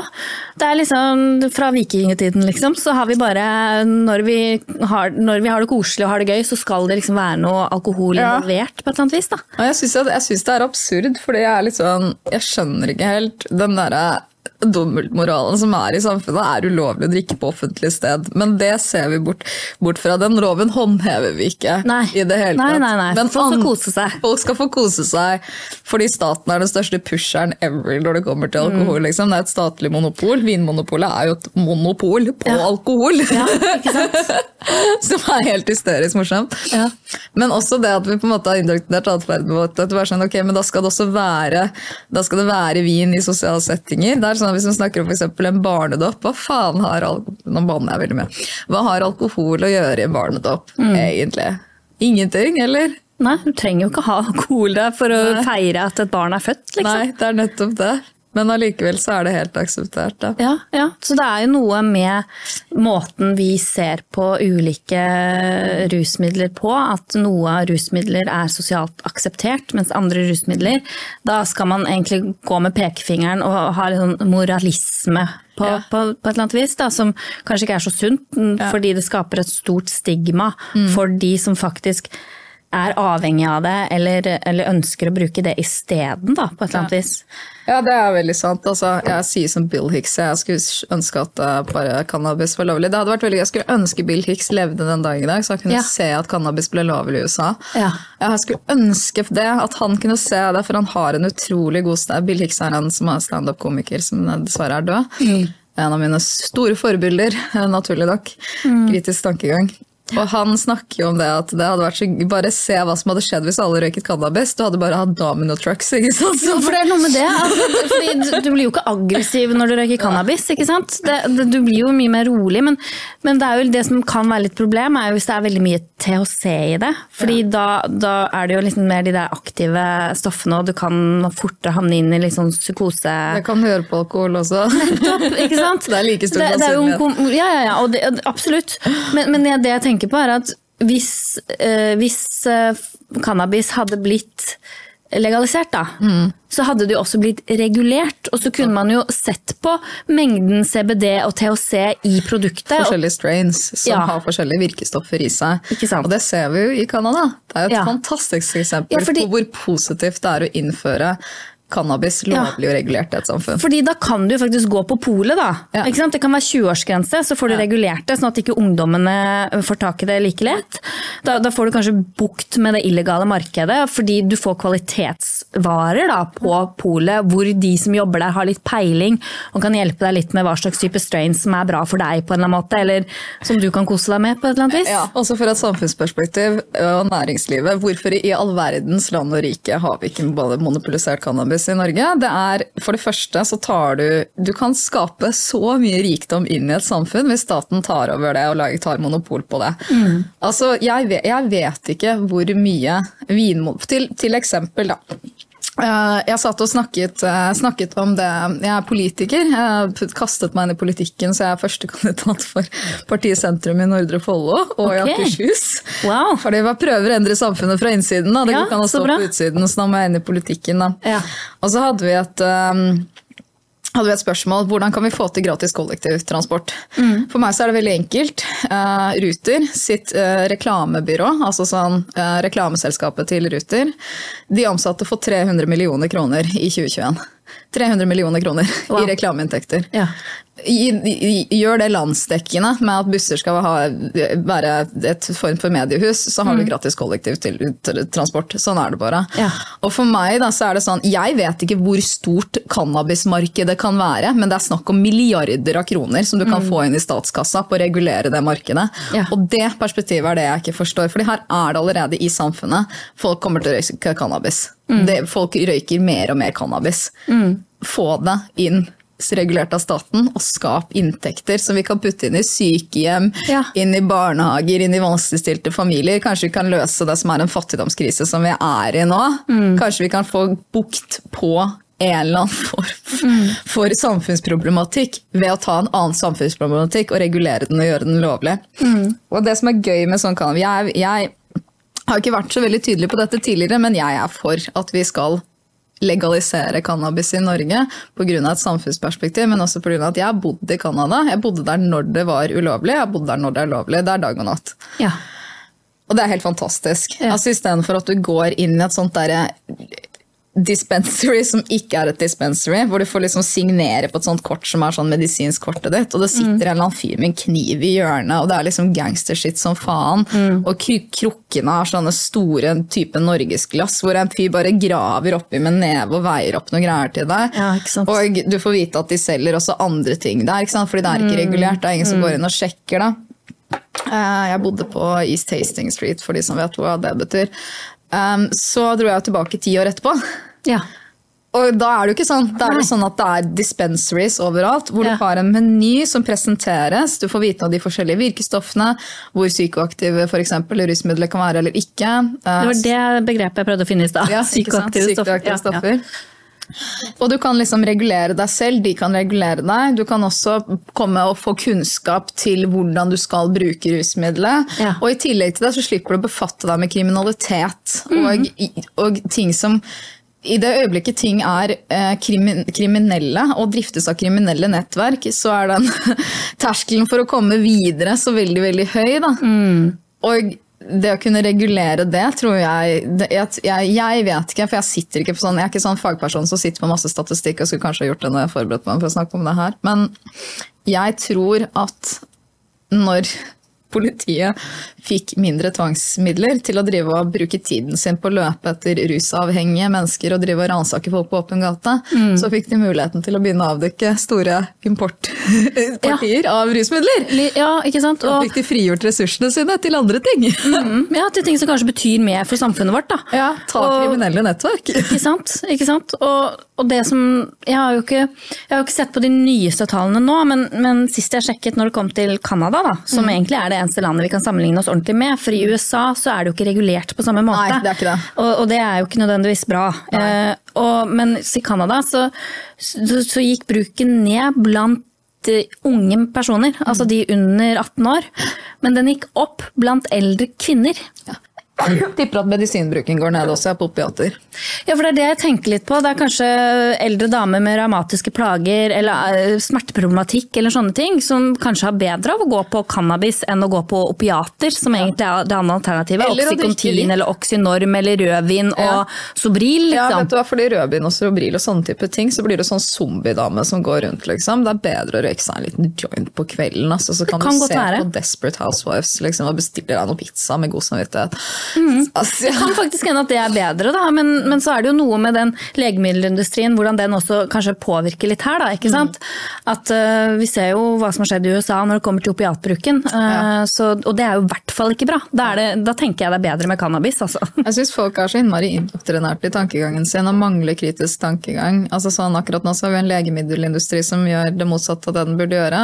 Legemiddelindustrien burde jo være forebyggende, ikke å fikse problemer som allerede er der. Men det virker jo altså sånn Det er jo et marked, det også. Du tjener jo ikke penger på at folk ikke blir syke. Nei, det er det du ikke gjør. Ja, det... Så de, de som går ut og sier at du kan styrke immunforsvaret ditt med mer D-vitamin og sink og sånn, de blir jo sett på som skamløse opportunister av øh, norske journalister, ikke sant? Ja, det var morsomt at Folkeopplysningen hadde en sånn god runde med det med vitaminer og sånn. Det er jo ikke kanskje så mye belegg i det, men det som jeg syns er gøy, er jo det Har du hørt om den løvetann-greiene med Monsanto? Nei. Nei, så løvetann er jo ikke et ugress, på samme måte som brenneslikk er det. Det kan spises, det er fullt av næringsstoffer, det er forebyggende for særlig hjerte- og karsykdommer. Ja. Vi lever jo nå i et samfunn som er på vei til å bli ganske overvektig. Er det? 40% av den norske befolkningen er vel overvektig nå? Ja, det kan godt være. Ja, det er ganske høyt. Altså, vi er Norge er en av de mest overvektige landene sammenlignet med USA. sånn. Vi skal ikke drive og se på USA og le peke fingre, fordi vi er drit... Vi er på vei, vi vi er på vei, vi også. Um, og en ting som er gøy, det er jo kostholdet vårt. Det er jo sånn at du kan bare gå ut døra di, så er det masse ting du kan spise, men det er ingen som har peiling på floraen lenger. Nei, det er sånn man skulle lært på skolen. Man skulle lært det på skolen, men uh, vi er jo opptatt av å indoktrinere folk til å være klar for arbeidslivet. Det er derfor mm. skolesystemet er satt og sånn som det er. Um, hvorfor skal vi drive og ringe folk inn og ut med bjelle? det er for at du skal være klar for kontorjobben din senere i livet. Det er bare oppdra noen sauer som bare gjør som de får beskjed om. Ja, men det er akkurat det det er. Det er jo derfor de lagde skolesystemet også, for, i opplysningstiden. Eh, men eh, det som er med løvetann, er jo at løvetann eh, tro det eller ei, er en sånn superfood. Du kan spise hele løvetannen, både blomsten, stilken og røttene og bladene. Den forebygger hjerte- og karsykdommer, altså sånne ting som du får av dårlig kosthold, f.eks. Ja. Og uh, Monsanto, da, som er et uh, firma som gjør veldig mange spennende og ikke så veldig hyggelige ting, okay. uh, de har jo en hjerte- og karsykdommedisin. Så det de gjorde, var at de innførte et sprøytemiddel som skulle fjerne løvetann, og gjorde det i en markedskampanje som handlet om mm. at De skulle fjerne ugress, liksom? Fjerne ugress. Mm. Løvetann er ikke ugress. Løvetann er noe som mennesker bare burde gå og plukke. Mm. Da blir det borte uansett, og grave opp røttene til. Ikke sant? Uh, og i møte med Nå er ikke jeg sånn som sitter og sier at for jeg er, ikke, jeg er alternativ, men jeg er ikke det. Men i møte med kunnskap rundt flo, egenflora og naturmedisin, så innser man jo at uh, apoteket er utenfor døren din. Um, tro det eller ei. Og det, hvis du trenger en grønn salat, så trenger du ikke gå og bruke penger hos Norgesgruppen. Men det er kunnskap som er helt borte nå. Ja, og det er jo antageligvis fordi det er jo ikke noe penger å tjene på at folk eh, lærer seg Nei. hva som er sunt eh, ute i naturen. Man forsker jo ikke nødvendigvis kanskje så mye på løvetann, da, i og med at det er jo ikke noen som skal selge løvetann. Nei. Det er jo veldig sant. Men smaker det godt, da? Det... Jeg synes, altså, det er morsomt med smak, fordi smak, du lærer deg å like alt mulig rart så lenge du spiser det en lang nok periode. Mm. Um, jeg, levde, jeg lever ikke i prinsippet som heter 'jeg liker ikke', men kanskje jeg foretrekker. Mm. Ja, ikke sant? ja. Og det er helt greit, men uh, det med bitre løvetannblader, du lærer deg å like det. altså. Ja. Um, man, ja, fordi... Det er det samme som ruccola, egentlig. Det var ikke noe godt første gang jeg spiste det heller. Nå spiser jeg det til alt. Ja, ruccola er jo kjempegodt. Ja. Men det er jo litt det fordi nå spiser vi veldig mye sånn ultraprosessert skitt som ja. bare inneholder masse sukker ja. og salt og herdede oljer og liksom Jeg gjør jo ikke det. Nei, nei, det er det, ikke sant. Jeg prøver jo også å, å spise mindre ultraprosessert da, og lage ordentlig mat fra bånn som jeg vet hva ingrediensene Altså når du leser på lista, så vet du i hvert fall hva, hva maten inneholder, da, på en måte. Jeg synes det er, eh, Dette er sånne ting som jeg, jeg Jeg sitter og ler ofte, men det er ikke fordi jeg føler meg meg som et bedre menneske, men det er fordi at jeg har gått så veldig mange runder med meg selv i forhold til hvem jeg har blitt, i forhold til hvem jeg var. Mm. Og jeg leser, leser, veldig mye. Mm. Det er der jeg finner kunnskapen min. Den er i bøker. Ikke så mye på Wikipedia, men, men jeg leser bøker. Og jeg leste en bok som heter 'Sannheten på bordet'. Ja. Som er et sammendrag av uh, igjen forskning. da, Hva er det du egentlig skal spise? ikke sant? Hva er egentlig sannheten? Um, mm. Og Det som trender på sosiale medier nå, er å eat whole foods, altså en hel grønnsak. Mm. Fordi vi er så vant til at vi kjøper ting som er ferdig opp, ja. halvfabrikata da, og ferdig oppkutta. Så jeg har jo levd slavisk i forhold til kostholdet mitt nå. Mm snart fem-seks år. Og jeg startet jo som vegetarianer og veganer. ikke sant? Bærekraftshensyn. Mm. Eh, og så leser jeg en bok, og så leser jeg litt mer, og så innser jeg at ok, det er kortreist. Mm. Økologisk selvfølgelig som er best, uten sprøytemidler. Men det er også kjøtt som har definert sitt eget kosthold. Så jeg spiser rein og elg og sånn type ting. Jeg er blitt sånn helt villkjøtt- og jegerentusiast og har lyst til å ta jegerprøven. Ja. Og jeg har lyst til å snakke om reinsdyr, fordi ja. jeg har nå en egen selv selvproklamert konspirasjonsteori mm. som handler om at reinsdyrkjøtt er det beste du kan spise i Norge. Ja. Når jeg spiser rein, jeg føler meg som en superkvinne. Jeg har ikke vært forkjøla i fire år. Liksom. Wow. Altså, sånn, jeg har, får ikke sånn derre og jeg er ikke god på å vaske meg på hendene heller. Altså, bakterier er positivt. Men jeg, etter at jeg bytta til sånn norsk Det heter vel sånn paleo-aktig. Ja. Men det er sånn norsk urkost. Jeg spiser, mm. veldig mye norsk hvit fisk. Ja. Og mye rein og elg. Jeg føler meg så sinnssykt bra. Ja, ja, sånn, ja men, det, men det, det, kan jeg forstå. For jeg tenker jo at disse dyrene har jo gått og kost seg og spist det som er i naturen eh, hele livet fram til de blir skutt. da. Jeg syns det er helt sinnssykt at vi som er i Norge, ikke spiser mer rein. Mm. Hvorfor er ikke det hovedkjøttkilden vår? Ja. Det er jo de vi, vi Sorry, eller unnskyld reinen, men det er jo dere vi må spise. Jo, jo, men jeg tenker hm, kanskje jeg skal gå og lage meg noe Vet du, det er jo så godt også, og så er det lettere å steke synes jeg, enn en konversiell biff. Da. Jeg- Det er liksom fordi du trenger bare Det er så mykt og mørt, det kjøttet, at du trenger bare å liksom seare det på sånn ett og et halvt minutt på hver side, og så bruke noen minutter på å liksom få det gjennomvarmt. Da. Mm. altså, jeg er blitt sånn reinsdyrkjøttforkjemper. kjempere. Det er det jeg skal lage en TikTok-video på. Ja, gjør det! Lag en TikTok-video på det. Ja. Ja, nei, men det, det, jeg tror du, du, har, du har veldig rett altså, i det å på en måte komme nærmere naturen, spise renere. Eh, ikke bare være på sosiale medier, ikke være så opptatt av eh, ja, hva man eh, Og det å ha merkeklær og den der materialistiske eh, det materialistiske samfunnet vi lever i. Du vet at det er ikke noe lommer på likeskjorta? Nei. Nei, det er noe med det. ikke sant? Ja, men, men det er jo et veldig godt poeng. ikke sant? Hva er, det du, hva er det du angrer mest på når du ligger på dødsleiet? Liksom? At vi burde leve mer etter det. da. Ja. Og se litt sånn ok, hva er det jeg kommer til å angre på når jeg ligger øh, og har min siste dag, liksom? Jeg tror ikke Anubi står der og så venter på at du skal ta med deg alle de der eh, merkeklærne dine, alle Chanel-veskene dine i båten på vei over til Underrike. Altså. Eh, men altså selvfølgelig det, det ja, Jeg skulle ønske mennesker hadde mer kritisk tankegang i for, for hvorfor tar jeg de valgene jeg gjør. Hvorfor velger jeg å oppsøke lykke på denne måten? Er det noe annet jeg kan gjøre? Er det sånn at jeg egentlig nå har sett en reklameplakat på 31-bussen, og det er derfor jeg velger å kjøpe flytende margarin? Mest Ja. sannsynlig. Ikke sant? Ja. Og det å være litt bevisst, da. Hva, hvorfor man tar de valgene man tar, og, og kanskje kjenne litt etter. For det har jeg mm, i det siste blitt mye mer bevisst på. Det å også kjenne litt etter. Ja, men hva er det hva er det eh, innsiden min på en måte sier? Hvordan er magefølelsen min knytta til disse tingene? For det er så mange ting hvor jeg har liksom stussa litt. Bare sånn, men dette gir jo ikke mening. Eh, og så er det litt sånn at ja, det at alle mener det, betyr det at det er det som er riktig? Eller, eller kan det være at det er noe annet som er mer riktig for meg på et eller annet vis? da? Det er jo naturlig å gå inn i flokkmentalitet. Vi er jo sånn som mennesker, vi er jo egentlig skrudd sammen til å bo i sånne bitte små samfunn hvor man har en flokkmentalitet. Det er superpositivt, fordi plutselig så må man Ja. pakke dritten sin og dra fordi Ja. det er et eller annet som truer. Ja, Vi trenger jo andre mennesker, ikke sant? Ja. Men, men så er det jo litt hva er det som connecter oss, da? På et eller annet vis. Er det det at vi tenker helt likt alle sammen hele tiden og er helt enige om alt? Eller handler det om andre ting på en eller annen måte? Jeg lurer på hvorfor folk higer så mye etter et homogensk samfunn, homogensk samfunn egentlig. Hva er grunnen til det? Jeg syns det er veldig sånn rart å være litt annerledes på sosiale medier innimellom. Fordi jeg opplever jo veldig I starten så var det veldig mye hat på TikTok, og så går det over fordi du blokkerer alle de type tolvåringene som sitter på Fortnite og tenker at de skal ta en dame på 34. Men, eh, som er god humor i seg selv. Eh, Men det jeg merker veldig på sosiale medier, er at det påvirker eh, den homogen tankegang. Da. Som jeg syns er veldig skadelig. For selvfølgelig skal vi ikke leve et samfunn hvor alle er like. Altså Det blir litt sånn som at du skal Jeg har vært i Marokko, da. Og jeg ser liksom for meg det at alle skal gå rundt i jellaba på en måte og se helt like ut. Jellaba er sånn der langkutteaktig, sånn hvit Det er veldig kule, kule drakter, da. Ja. Uh, og så blir jeg liksom, hvorfor, hvorfor skal man ønske det? Hvorfor skal man ønske at alle ser helt like ut, da? Og det, For meg så er jo det den ytterste konsekvensen.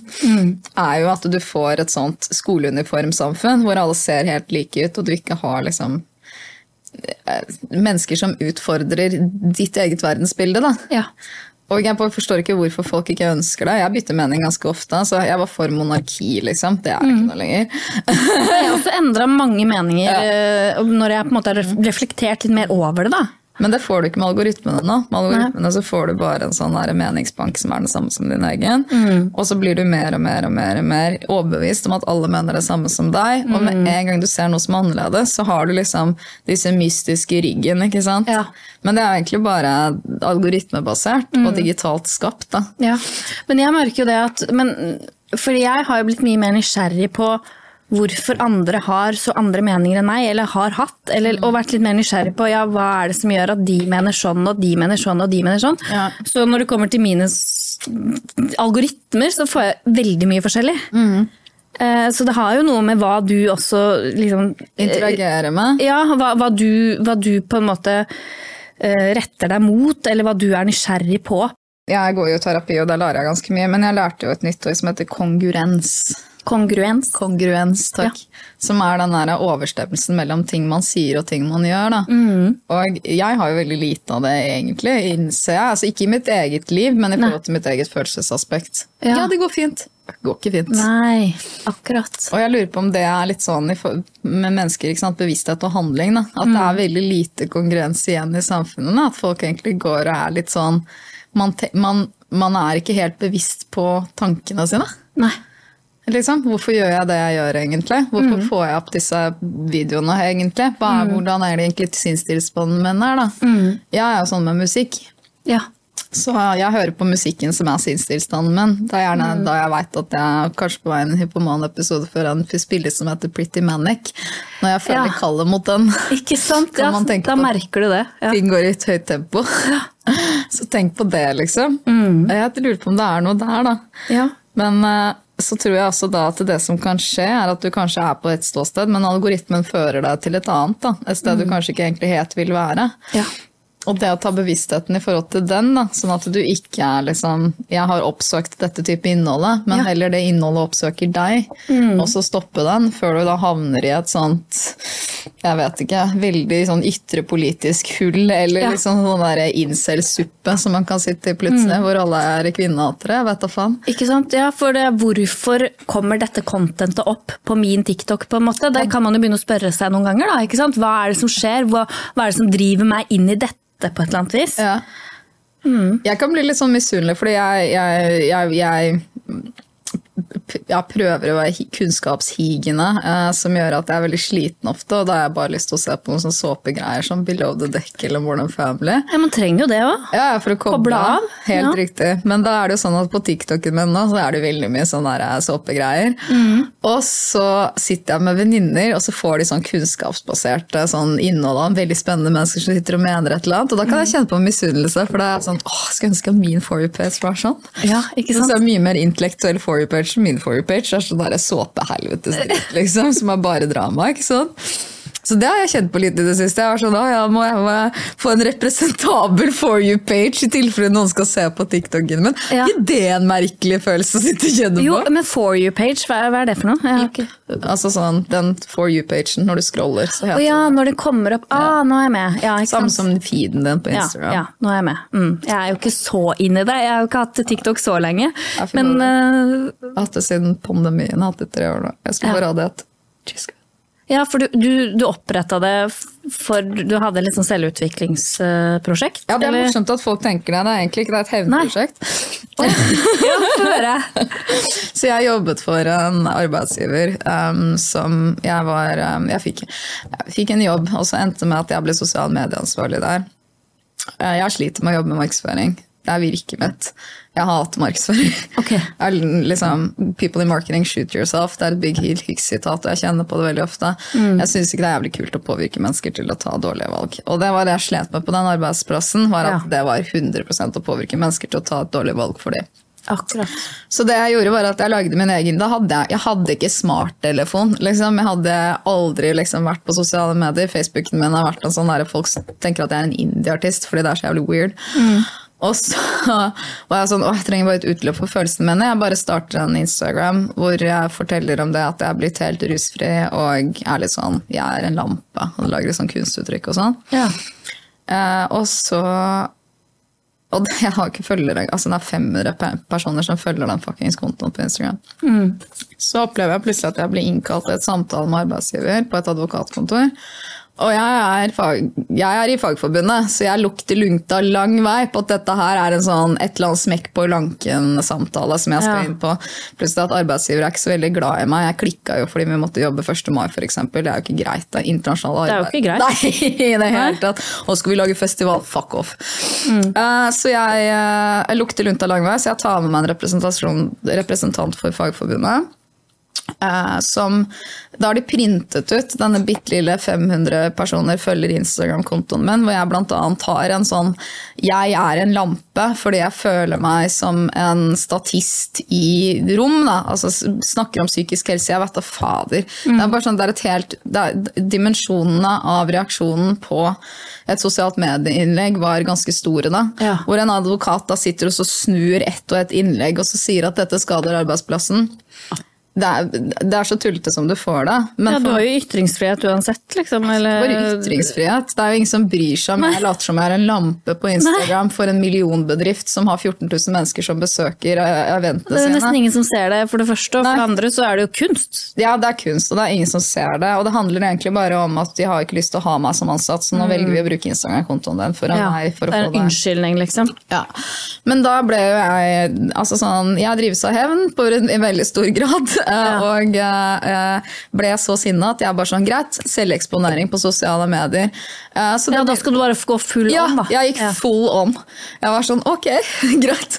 Skal du se hva jeg virkelig kan poste, liksom? Endte Mm. med at jeg vant. Det var jo ikke noen sak som ble opprettet der, fordi du kan ikke akkurat gi folk oppsigelse over at de later som de er en lampe på sosiale medier, eller forklarer at de syns at det er dritt på jobb, uten at de sier hvor arbeidsplassen er. Du kan også si at du har det dritt på jobb. Mm. Uh, og så blir det masse fram og tilbake, så jeg bare begynte full on hardcore selvutleveringsprosjekt på Instagram. Og så kom det en pandemi da, Mm. Ja. midt oppi det her. Og da er det jo sånn at man ble, alle ble jo klar over at TikTok fantes. Mm. Uh, så da var jeg sånn, greit, jeg får bare ta det selvutleveringsprosjektet videre over på TikTok. da. Mm. Men jeg har alltid hatt, det handler det med min sosiale medietilværelse handler om to ting. For det første så skal jeg ikke planlegge innhold. Fordi det gjør jeg jobben min. Jeg er Ja. Mm. jo markedsfører. Så jeg har ikke, dette er et fristed. Så jeg legger ut det jeg føler i øyeblikket der og da. Ja. Jeg har ikke noen publiseringsplaner eller planlagt noen ting. Så det er veldig ekte. Det er, litt, det er på en måte det jeg føler for. ja. Og det tror jeg folk ser. Ja. Ja. Å være seg selv da, på sosiale medier. Jeg er ikke noen andre, jeg er Øyunn, liksom. Men det andre er det at jeg skal ikke reklamere for noe. Nei. Jeg skal ikke, jeg skal ikke påvirke noen til å kjøpe dritt de ikke trenger. Da. Så det er det prosjektet her. Det er Ja. et selvutleveringsprosjekt basert på dagsform. Jo, jo, men, men det, det er jo litt sånn det, Da blir det mer ekte, da. Og Ja. det, jeg, jeg, tror, jeg tror folk også Kanskje det er derfor du har fått en god del følgere, da. At, at folk liker det. Folk Ja. ser det. Og, og, og ser at dette er noe genuint, det er noe ekte. Eh, Det er noe som kanskje også treffer en del folk. Ja. I hvert fall så, så opplevde jeg det. At eh, oi, shit, dette her er jo fornuftig, og denne dama her eh, har, har noen egenerfaringer som gjør at hun vet også hva hun snakker om. Og, og det at du samtidig da bare man kan på en måte se at du, du er ikke opptatt av å selge noe eller å få masse penger eller disse tingene. ikke sant? Og det gjør jo at man, man blir nysgjerrig, da. ikke sant? Og, og er interessert på et eller annet vis. Jeg tror man det, er- det er å hige etter eh, berømmelse er um, ganske skadelig. Altså det, man, man lever i et samfunn hvor vi hele tiden skal idolisere hverandre og sammenligne oss med hverandre. og sånn. Jeg skjønner ikke helt poenget med det. da. Men det er hyggelig at du sier det. Altså jeg, jeg, jeg, jeg liksom Til tider så er jeg litt sånn eh, 50 fuckings 1000 mennesker som følger med på det jeg gjør. Da. Det er ganske overveldende og skremmende. Ja, Jeg er fra Hamar, der bor det 20 000. Ja. ja, det er det. Man kan jo sikkert bli litt sånn ja, Jeg vet ikke, men blir du litt sånn flau eller skammer deg litt over noen av innleggene etterkant? Jeg, eller? jeg prøver jeg, ikke se på ting. Som Ja. jeg, jeg kan ikke det. Jeg, Nei. ja, absolutt. Det er lagt ut i øyeblikket, og jeg er psykisk syk. Liksom. Hvem vet hva som har blitt formidla der og da. Jeg, veldig, jeg, veldig, har jo mye følelser og Mm. blir veldig, veldig opptatt av ting. Og noen ganger så er jeg jo i en oppstemt periode hvor jeg er veldig, veldig opptatt av en ting og legger ut en video. Men jeg tenker at um, så lenge det er ekte, så får det bare eksistere på internett, liksom. Mm. Um, det er i hvert fall et annet perspektiv, da. Ja, ja det er jo det. Altså, det, er, det er måten du er på. Det er jo ikke sånn at alle sammen skal utlevere seg på den måten du gjør. ikke sant? Men Nei. samtidig så treffer det jo helt sikkert en del folk som, som kanskje har opp- og nedperioder på samme måte som deg, da, og som kan kjenne seg litt igjen. Ja, og så er det kanskje fint også å se kvinner som har meninger om politiske ting. Som det, jeg vet ikke om du får den samme responsen, ja, altså, men uh, Jeg får mye hat òg, eller jeg føler jeg får mye mer positivt igjen enn jeg får negative ting når jeg uttaler meg om ting som kanskje er litt kontroversielle. Ha- Hatet gir seg etter hvert. Det er det som er gøy. Det er Ja. sånn starten. Ja, jeg har blokkert én person. Mm. Det er alt. Ellers så har jeg bare latt de få lov til å kommentere negative ting, og så har jeg prøvd å svare tilbake saklig, og så er det, det det er morsomt med sånn det å være kvinne og uttale seg kontroversielt på TikTok, fordi du har jo menn som uttaler seg kontroversielt, og de får jo masse plass i manesjen. Mm. Altså det er menn som deler barneporno på Snapchat, og fortsatt får lov til å sitte beste sendetid på NRK, eller å bli intervjua fordi at de mener at damer ikke kan gå alene ut på byen. Mens når du er kvinne og deler kontroversielt innhold, Mm. så har du plutselig en helt annen manesje som du må inn i. Da. Det er Mm. mye trangere nåløye. Og i tillegg til det så opplever man mye mer hets og hat. Og sånn er det bare. Mm. Vil vi endre det i samfunnet? Ja, absolutt, liksom. Mm. Eh, Men jeg syns det er så viktig da, med at de kvinnene som deler kontroversielle meninger, ikke gjør det på bakgrunn av at man ønsker en oppmerksomhet for å da selge et produkt i etterkant. Det er noe med det, da. Og det er det veldig mye av, og det syns jeg er veldig skremmende. Da. Mm. altså det er sånn, ikke, ikke ta på deg en mening og så sende, selg en Hundai-telefon i neste innlegg. Ikke fortell at du er veldig opptatt av brukte klær, og så jobber du med et fast fashion-firma. Ja. Det er ikke, det, sånn det- funker jo Nei, ikke. det- Da blir det jo inkongruent, da. Ja, nettopp. Men det, sånn er jo gjerne eh, kvinnelige influensere. Fordi Mm. beskjeftigelsen deres er ikke at du har nødvendigvis ditt eget firma, men det er det at du lever på reklameinntektene på plattformen din. Mm. Og det er det litt negative her òg. Mhm. Jeg starta ikke den podkasten for å tjene penger, jeg Nei. tviler på at det er noe mye å tjene på det. Men Ja. det er jo litt sånn, ja, hvis man skulle ha blitt, hva skal jeg si, sponset av noen, da, så må man jo tenke seg veldig nøye om hva er det jeg faktisk promoterer ved å bli sponset av akkurat dette, da. Ja, jeg mener jo det. Fordi- Absolutt, du har jo et ansvar der òg, på et eller annet nivå. at eh, Ja. Skal folk tro på det du sier, så må du da vel være såpass genuin at du ikke mm, Dette er en kontroversiell mening, men jeg mener at du som influenser har et samfunnsansvar, og den er det ikke veldig mange. Hvis du lever som influenser, fordi influenser det er et yrke. Det er ikke sånn at alle som er på sosiale medier er influenser. Jeg er ikke influenser. Fordi jeg lever ikke av celledritt, jeg lever Nei. ikke av å influense folk i en retning. Nei, du lever ikke av påvirke, for det er jo det influence betyr. er liksom, Nå skal jeg påvirke deg til å Ja. kjøpe et produkt, Det er nettopp egentlig. det er det der. Ja. Det er det der, det er det det kommer fra. Så du, hvis du prøver å påvirke folk til å kjøpe et produkt, så er du en influenser. Men da har du også et samfunnsansvar. Fordi er dette produktet godt for menneskeheten, eller de du pusher det på? Mm. Er det sånn at du trenger å liksom overbevise folk om å kjøpe akkurat dette sminkemerket? Er det et Mm. bærekraftig sminkemerke? Driver de med forferdelige dyreforsøk, som de fleste sminkemerker gjør? Det er jo folk ikke klar over, for det skjules for allmennheten. Klart det. Grunnen til at du kjøper vegansk sminke, det er ikke fordi at eh, det er ikke dyr i det, det er fordi at det ikke er testa på dyr. Mm. Det er det vegansk betyr, at man ikke har brukt dyr til å teste sminke. Det er helt vanlig. All sminke blir testa på dyr. Mm. Det, er grus, det er grusomt. Der de, der de ser for deg de der kaninene som sitter i små byer og har sånn byller som blør ut av øynene og sånn. Det er det sminken din gjør, altså. bare så det sagt, hvis du ikke kjøper vegansk sminke. Sånn er det. Ja. Når du går på Hense Maurits og kjøper den drittsminken der, og jeg veit hvorfor man gjør det, fordi man ikke har råd. fordi man ikke har råd til gode, bærekraftige produkter, fordi vi ikke har lagd et samfunn som er sånn. Eh, Men da støtter du faktisk tortur av dyr. Ja. Indi- Indirekte. Det vet du ikke, men du gjør det, liksom. Og så skal du sitte som influenser og så drive og reklamere for produkter som egentlig er et dyretorturprodukt. Ja, ikke sant? Ja, ja, men Det er jo så bra at du gjør folk oppmerksom på det, for det er jo ikke sånn som jeg går rundt og, og reflekterer over når jeg går og Nei. kjøper meg sminke. Jeg tenker liksom den fargen her var fin, på en måte. Ja, du vet Når du blir bestandt, eh, sånn bestandt i forhold til bærekraft, så begynner man å sjekke hvem er egentlig firmaene, som, og hva er det egentlig som ligger bak. Hva er produksjonslinjen her? Ja. Hvorfor skal vi ikke kjøpe ting på Wish? Jo, fordi at det reiser rundt hele fuckings planeten. Ikke Ikke sant? Det er så lite bærekraftig som du får Ja, det. Ja. Og det er på, altså, jeg bare... eh, Det går ned til sånne ting som også søppelsortering. Mm. Eh, Søpla i Norge blir sendt ut av landet. Ja, Det er jo helt absurd, Jeg egentlig. vet det. Ja. Så det er liksom til og med sånn de der Det er mye dobbeltmoral. Det er så mye dobbeltmoral. Ja. Til og med det å skylle yoghurtbegeret kan være uproblematisk, for det blir egentlig brent i ettertid. Det er så mange ting da, som du avdekker når man begynner å lære seg ting. Mm. Ja. Men akkurat jeg har jo begynt å sminke meg igjen, for jeg går inn og ut og sånn. Nå syns jeg det er gøy å være pen og dolle meg litt. Mm. Og så kommer jeg sikkert til å gå tilbake igjen til bakovercaps og longboard. Men det første jeg måtte gjøre da, er å finne bærekraftig sminke. Og Ja. det, det er en klassereise. Ja. Ja. ja, men kanskje du skal legge noen link til noe du har funnet da, som er bærekraftig. Og, og Urban ikke- Decay.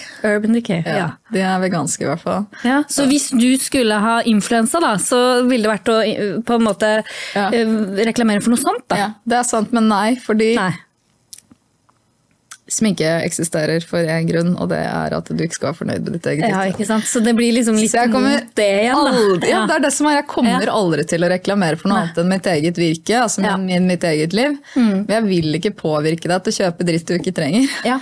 Så det også med Du det der, trenger jo egentlig ikke sminke, liksom. Nei. Man burde jo egentlig ikke trenge det. Nei, man burde egentlig ikke trenge det, men det er fint at du kan endre på utseendet ditt hvis du ønsker det. Mm. Og det, endring på utseendet er jo dritkult. Ja, ja, det kan være gøy også, Det er avataren din, liksom. Klart du må endre den. Du skal jo fremstå på en viss måte, og, og hvordan du ser ut har jo også en del å si, da. Ja, ja. Nei, det syns jeg er gøy. Altså, kroppsutsmykning. Jeg skulle ønske folk var mye mer alternative i byrom. I Norge er det ganske sånn homogent og kjedelig, særlig Ja. om vinteren. Ja, og det, det er litt sånn interessant. Jeg husker Og det, det er litt sånn rart òg, for da jeg gikk på videregående, var det vel, så startet vi Romerike antirasistisk ungdom. Jaha. Jeg gikk på Jessheim videregående. Ja. Men det som var liksom vanskelig der, var at jeg gikk jo ikke med sånne blitzerklær. Nei. Mens de andre gjorde jo det. Og da, da følte jeg meg liksom litt utafor i den gjengen. Da, for jeg, vi har jo akkurat de samme meningene. Vi sto jo for at vi, vi er imot eh, For det var jo bygd seg opp ganske sånn sterkt nynazistisk miljø, i hvert fall litt sånn utenfor Jessheim, der hvor jeg gikk på ungdomsskole, på Råholt. Og da var jeg veldig opptatt av dette, men da var det litt sånn at Nei, men jeg så ikke på en måte riktig ut for å være liksom del av den gjengen. Da. Så da ble jeg liksom litt sånn skvist ut der, da, på en eller annen måte. fordi Subkulturelle ekkokammeruniformen ikke passet inn i Ja, litt så det, ikke sant? Ja, sånn Så sånn, de er jo enige. Altså, så, sånn, så, sånn er det jo med Blitz. ja, det er jo det. Og, og du, du, identiteten din, hvordan, hvordan du kler deg, hvordan du ser ut, det har jo litt å si for hvem er jeg, og hvordan jeg ønsker å fremstå på et eller annet vis. Da. Ja. Altså, jeg har jo neonarkistiske tendenser. Jeg mener jo f.eks. at alle må eie sin egen arbeidsplass.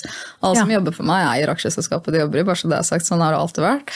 Jeg er på godt og vondt med å lære mye, men hvis du jobber for en fabrikk, så burde du eie den.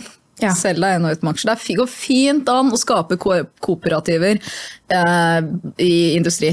Ja. Uavhengig av det, da, så er det litt sånn um, jeg, jeg ser sånn her ut. Jeg liker å stikke ned på Blitz og kjøpe meg en vaffel, Mm. fordi jeg har blitt beskyldt for å være fascist her flere ganger. Og jeg er litt sånn, vet du hva, dere, vi, er, vi har det samme politiske utgangspunktet. Mm. Men det er viktig å hele tiden pushe det med kleskoder, Mm. eller det med samfunnsindoktrinering, som det er f.eks. type sånne En ting som jeg provoserer meg veldig mye, er i arbeidslivet. Jeg, jeg, er, jeg er en leder for mange mennesker. Jeg kler meg sånn jeg vil. Ikke sant? Men jeg, og jeg er foredragsholder, da kler jeg meg pent.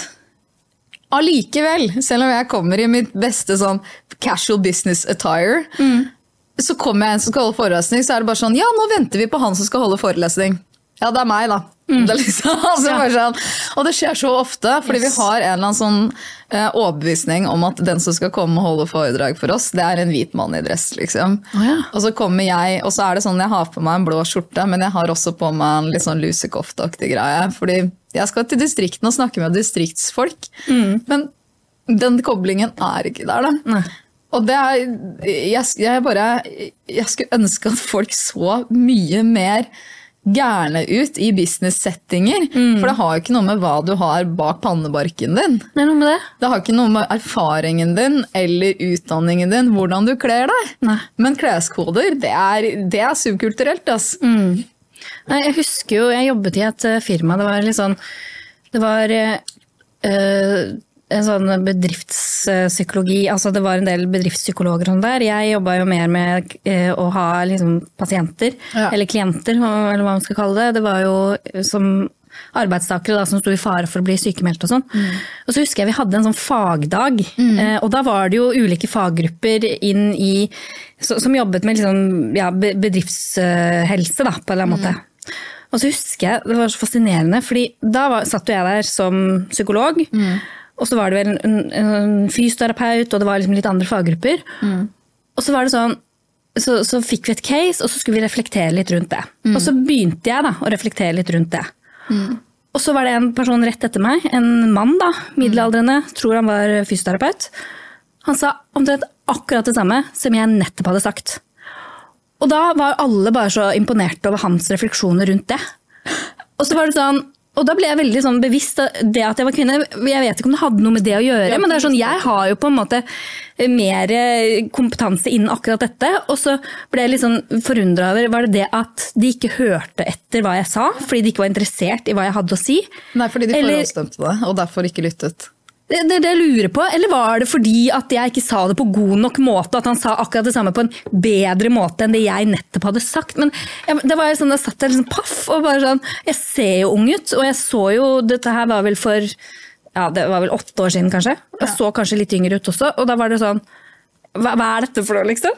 Ja, altså jeg blir forhåndsdømt hele tiden. Og det, er, det, det, blir du jo også. Det er liksom Når man er kort og søt og liten, så allerede, Og kvinne, allerede da, så er det litt Ja, for sånn det er det jeg lurer på. da. Ja. Jobber jeg liksom mot noen sånn fordommen andre har, eller, eller er det bare jeg som tror det, og så legger jeg det på den kontoen da, på et eller annet vis?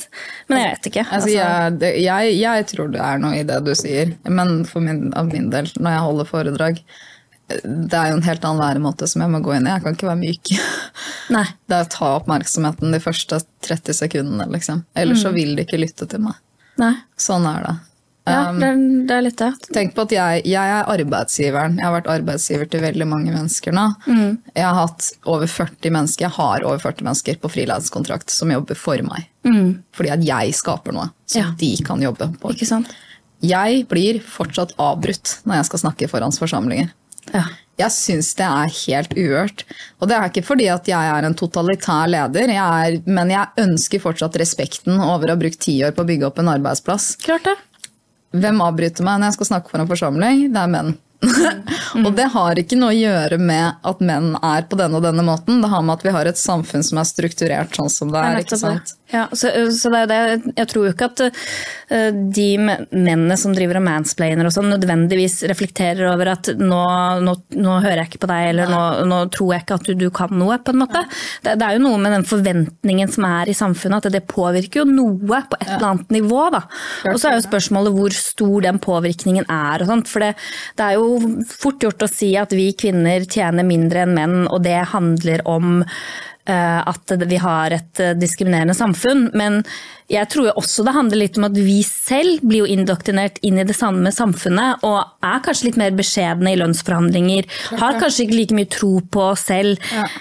Sånn at det, det, er jo, det, det er på ulike nivåer her. ikke sant? At det, det, er ikke bare liksom vi er bare ofre i det. Vi også påvirker jo dette med måten vi ter oss på, da. Basert på de forventningene vi har til oss selv, og hva vi tror andre forventer av oss. da. Det er morsomt med sånne lønnsforhandlinger og sånt. Det var, um, jeg visste ikke at timelønnen min var 950 kroner timen før jeg fikk tilsvarende tilbud av noen andre tilbake fra meg. Jeg visste ikke at jeg ja. kunne be om så mye. Nei. Nei. Hvis noen måtte be om det fra meg, jeg bare å, er det det som er satsen? Ja, ok, greit. Det Ja. er, det er kult. Eh, Ikke sant? Og det er jo det er ikke fordi at det er liksom Noen ganger så merker jeg, jeg vet ikke om det er sånn eh, Om det å være kvinne og ønske å drive med business, at jeg har for mye sånn empati eller empatisk utvikling, og at ikke tar en stor nok plass. fordi Det kan også ha noe med saken å gjøre, da. ja, for det føles veldig sånn. Det føles som at jeg ikke tar den plassen jeg trenger, ganske ofte. Og det ligger jo på meg, da, men også at jeg ikke blir gitt den plassen. Ja, Og det blir, forsterker jo hverandre, ikke sant. Så det blir jo en sånn ond sirkel kan bli, da, hvis ikke du på en måte hva skal jeg si, tenke litt mer som en mann. Det er jo litt fælt og teit å si på en eller annen måte, men at man altså ja, at, at man da tør å kreve mer, da, eller Ja. sier ifra at jo, men dette er min kompetanse, og dette er jeg god for, på en måte. Og da må man jo tro på det selv også. du kan jo trekke, trekke tilbake til hvorfor vi sitter her i dag. Da. Det er jo sånn som for min del, Jeg samler 400 mennesker til Usery Raves i Oslo. Liksom Dritkult. hver tredje tirsdag. Ja. Eh, og har en rusbakgrunn. ikke sant? Har levd et sånt både exit-tilværelse og en kids in crime-tilværelse. Det er fint å ha sånne referansepunkt nå Ja. innenfor sosialkultur. Det er bra. Eh, Men jeg blir jo ikke invitert til å mene noen ting om noe når det kommer til en rusdebatt. Eh, og det er liksom hvor er det da sosial status ligger, ikke sant? Jeg føler at det, det jeg jobber med nå er sånn veldig sånn slow bygging av kredibilitet, da, håper jeg. Ja. Men, eh, men jeg lurer på, hvis jeg hadde, hvis jeg hadde vært en mann, da hadde det gått raskere. enn- jeg syns det går for treigt, ikke Ja, sant? ja. Jeg veit ikke. Nei, det er jo ikke godt å si. Ja. Men eh, jeg er veldig glad for at, eh, at du ville komme hit i dag og fortelle om alle de spennende prosjektene dine. Den reisen du har eh, vært igjennom og fortsatt er i, på en måte. Bare sitte og meningsytre også er ganske deilig, det. Ja, ikke sant? Men det er jo litt derfor jeg lagde denne podkasten, eller podcasten, jeg vet ikke hva som blir riktig å si. Men det var jo fordi jeg syns at ytringsrommet er litt smalt. Ja, er det ikke det, da? Og, og tenker at uh, jeg ønsker bare å, å snakke med folk som jeg tenker at har noe fornuftig å si og komme med. Eh, som jeg er litt nysgjerrig på. Og, og ønsker jo at folk skal bli litt mindre dømmende også. Da. Avstigmatisere en del ting. Eh, kunne snakke om litt kontroversielle ting uten at det, det nødvendigvis er sånn at, eh, at det blir for voldsomt eller for rart eller feil for noen, på en måte. Det, det er noe med det at Vi må jo snakke om disse tingene. Eh, Du hadde jo Dan Buchoy her, som er en person som er veldig i nettverket mitt, og som jeg er veldig fan av, og som har gjort sin greie hele tiden. ikke sant? Og det som jeg syns er sånn irriterende det med Subjekt Subjekt er en fantastisk viktig aktør innenfor både ytringsfrihet, men også kultur. Fordi de viser fram veldig unge perspektiver og meninger. Men med en gang du får en mening i subjekt som da ytrer seg mot uh, høyre, da, som gjerne det unge mennesker ofte gjør, de har veldig kon- kontroversielle enten venstre- eller høyremeninger, fordi man er, starter ofte veldig kontroversielt, og så blir man litt mer sånn mild etter hvert. ikke sant? Og med en gang du har en tidsskrift som, har en menings, som gir rom til meningsytrere, som har veldig kontroversielle, da, eh, høyreorienterte meninger, så blir du kalt for en sånn rasistblekke. Ja. Og så er det bare sånn men jeg, jeg tror ikke Dan jeg er veldig rasistisk, også, for å være Nei, helt ærlig. liksom. Det er tanke. helt absurd tanke. Ja. Og det er bare fordi at man, man velger å, være, å, å bero seg på ytringsfriheten, hvor alle meninger skal ha et, em, et rom da, Mm. i samfunnsdebatten. Og det er ganske viktig å bevare. ja. Det syns jeg også. Jeg har jo lyst til, hvis du skal møte, i møte med en kontroversiell mening, så blir det jo justert på hvor du selv står. Det er jo det som er positivt. Ja, ja man, man kan jo utfordre seg selv litt også. Ja, men ok, hvorfor mener de så annerledes enn meg? Hva handler det om? Og prøve å forstå det litt også. For, for jeg endrer jo meninger hele tiden. Men det, jeg mener jo ikke noe uten å ha en grunn for å mene ting. Jeg mener ikke noe bare fordi alle andre mener det, eller fordi jeg blir fortalt at dette er lurt å mene. Eh, det, når, når folk liksom begynner i og si sånn, du må stole på det, for det sier ekspertene. Så sånn, ja, men hvem er disse ekspertene, og Ja. hva, hva, hva gjør at vi skal lytte til akkurat disse? Sant. Altså, at man på en måte, og det er det jeg ser på som litt sånn kildekritikk, da, at man ser litt på, ok, har disse noen interesser av å få frem denne meningen? Eh, ikke nødvendigvis, ja, nei, det står der, og der er det noen andre som har skrevet dette, og da kan jeg ikke høre på noe av det den eh, avisen sier, eller, eller noe som blir publisert der. Du må jo se på, ja, hvem er denne personen som ytrer seg i dette mediumet? Og, og, og så er det noe med det at de kan jo ha, kunne mye om én ting, Ja. og mene noe om det, selv om de har uttalt seg om noe annet som ikke jeg er interessert i akkurat nå, så betyr jo ikke det at det? Den, den, den der guilt by association-tingen, den der ad hominen-argumentasjonen, som jeg bare blir helt gæren av. Vi må basere oss på forskning òg. Altså det er status quo, liksom. Du kan ikke være sånn følelsene rundt at den personen har ytret seg i dette mediet. Liksom. Det er liksom, folk kan skrive gode artikler for Resett og fortsatt være, ha rett i et poeng. Altså. Nettopp det. Sånn er det bare. Det Ja. er litt sånn, du kan ikke avskrive folk bare fordi de har en tilhørighet eller en kobling til noe. Nei. Nei, det er det, og- og så er det noe med det å bare Ok, men sier det den personen skriver her, er det relativt fornuftig? Og hva er bakgrunnen for at denne personen mener akkurat det om dette temaet? Ja. Så kan jo den personen ha helt forkastelige meninger som jeg er uenig i innen et annet tema, men, men det betyr jo ikke at jeg skal da stå inne for det den personen sier om dette andre temaet. Det er det jeg, legger, det er det jeg liksom blir klart lagt litt merke til. At ja, men han skrev jo det om det. Mener du det òg? Så sånn, ja, men det har jo ingenting med saken å gjøre. Kan vi ikke holde oss til saken her? Ja, fordi skille person og sak er faktisk noe man lærer på barneskolen. Og det er ganske viktig også, fordi hvis du skal leve i et samfunn hvor du ikke kan Du kan ha to tanker i hodet, det er vel maks egentlig, men man klarer å ha to tanker. Man kan ha to meninger på en og samme tid også, fordi man kan se noen aspekter fra noe, et sted og noen aspekter fra et annet sted. Og det er ikke sånn at folk er låst inn i én rolle. Du kan ikke sette, det at vi setter hverandre i bås, er vel det som er mest skadelig, egentlig. Ja, for det er litt det. Når jeg har stilt litt kritiske spørsmål til massevaksinering av unge, friske folk med en vaksine som ikke har langtidsdata på, Ja, ja. Og da blir jo jeg sett på som en antivaxer. Ja, og jeg blir sett på som en konspirasjonsteoretiker og en tinnfoliehatt og det ene med det andre. Og så blir jeg sånn Ja, men hva Nei, altså jeg har selv vaksinert meg og har takket ja til alle vaksiner jeg har fått anbefalt. Men det går an å stille kritiske spørsmål ved det allikevel. Nei, noe med det, for Ja. Vi kan jo potensielt skade barna mer enn det hjelper de. Det, det er jo mitt ståsted. ikke sant? Altså- og da blir jeg litt sånn Men i alle dager, hvorfor skal jeg Jeg tror til og med folk har ment at jeg er liksom alt right. Altså Nei, det, det er så mye merkelig. Ja, men det var jo en del, altså sånn, vi la, Under koronapandemien så lagde vi et sånt angivelsessamfunn, og det at folk ikke reagerer mer på det. At du, du anga naboen din for å ha flere enn ti mennesker hjemme hos deg. Er ikke det sjukt? Det er helt sykt. Jeg må utsette meg selv for smittefare hvis jeg vil det, og så kan jo jeg da la være å besøke bestemor rett etterpå, da, hvis jeg tenker at det ikke er så lurt. det er ikke rart at folk tror sammenligninger med krigen, fordi det er jo det samme. Det er jo sånn Gestapo-tendenser. Du løper etter folk fordi de ikke har maska si riktig på og sånn. Jeg skjønner ikke at mennesker ikke altså sånn, Det er ikke vi som skal justere hverandre. Det er det myndighetene gjør. De skaper konflikt og strid, og så justerer vi hverandre istedenfor at vi kanskje ser opp og begynner å kikke på hvordan er det egentlig samfunnet er justert, og hvordan gagner dette her meg? Egentlig ikke. Nei. Som individ, da. Um, så ja, det er ganske kjedelig. Er det, hvilken, har du en konspirasjonsteori du tror på, eller?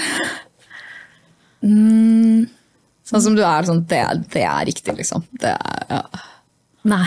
Jeg er ikke skråsikker på noe som helst, på en måte. Jeg har en. uh, har du en? Du kan få høre? William Shakespeare fantes ikke, ass. Det er Francis Bacon og Tempelridderne. Ja, 100 Ja. Ja. Vet du, Francis Bacon var den, han oversatte den første bibelen, arabiske versjonen av bibelen til uh, engelsk. Ok. Ja, ja. Er, ja. Francis Bacon, ass. Han drev med folkeopplysning. William Shakespeare har aldri eksistert. Jeg tror på det! Ja, ja, ja. Men, det er for, Men hva er grunnen til at du tror på det? da? Nei, det var en dokumentar, da. Ja? Ja, ja, men det kan jo hende. faktisk. Ja. jeg er veldig opptatt av sånn Jeg er jo superfan av frivilliglosjer og sånn. Jeg, vet, jeg skulle ønske jeg var innviet i en eller annen sånn hemmelig orden. Åh, da hadde livet mitt vært så mye bedre. Da hadde den kunnskapen som er skjult, da, som man ikke får tak i. Ja. Tror du ikke vi hadde hatt et helt annerledes altså, vi hadde, Hvis man hadde hatt all kunnskapen Det er noen som sitter på veldig mye kunnskap Mm. som ikke er tilgjengelig for allmennheten. Jeg tror Hvis vi hadde hatt all kunnskap tilgjengelig, sånn som Ja. eksempel når Wikileaks? Plutselig så kommer det masse kunnskap om Oi, ok, Ja. det er sånn egentlig verden fungerer. Og jeg tror det er så mye i det. da. Jeg tror at Når man snakker om the rabbit hole, og så begynner du å faktisk grave deg nedover, og så begynner du å finne disse, denne kunnskapen, så innser du at ja, ok, verden er ikke skrudd sammen sånn som jeg egentlig så for seg. Nei. Det er noen krefter som prøver å påvirke meg i en eller annen retning. da.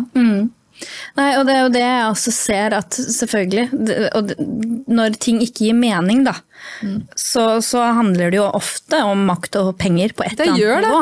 Og det kan vi jo ikke stikke under en stol. Sånn at, eh, men så er jo spørsmålet ja, men eh, hvordan vet vi det, og hvor kommer da denne informasjonen fra? Og er det noen som prøver å lure oss til å tro at f.eks. jorden er flat for å kunne sette oss i bås som det ene eller andre? Eller, eller, ikke sant? Det, som, det, som, det kan skje på så mange nivå da, og på så mange ulike måter. så at du, du sitter jo der og bare what, hva, hva skjer? Så. Ja, men det er sånn, altså På det ene øyeblikket så er informasjonen ikke filtrert og ikke tilgjengelig. På den andre måten så har du mennesker som sånn Murdoch som sitter og kontrollerer absolutt alt som er av nyhetskilder. Altså du, du, um, du kan ikke stole på at den informasjonen som er tilgjengelig, er filtrert på den måten som egentlig gagner deg som menneske. Nei, Nei. Og det er der jeg også har blitt litt mer sånn bevisst. Ja, kanskje jeg skal bare sjekke litt mer inn til magefølelsen, da. Mm. Hva, hva er det som skjer nå?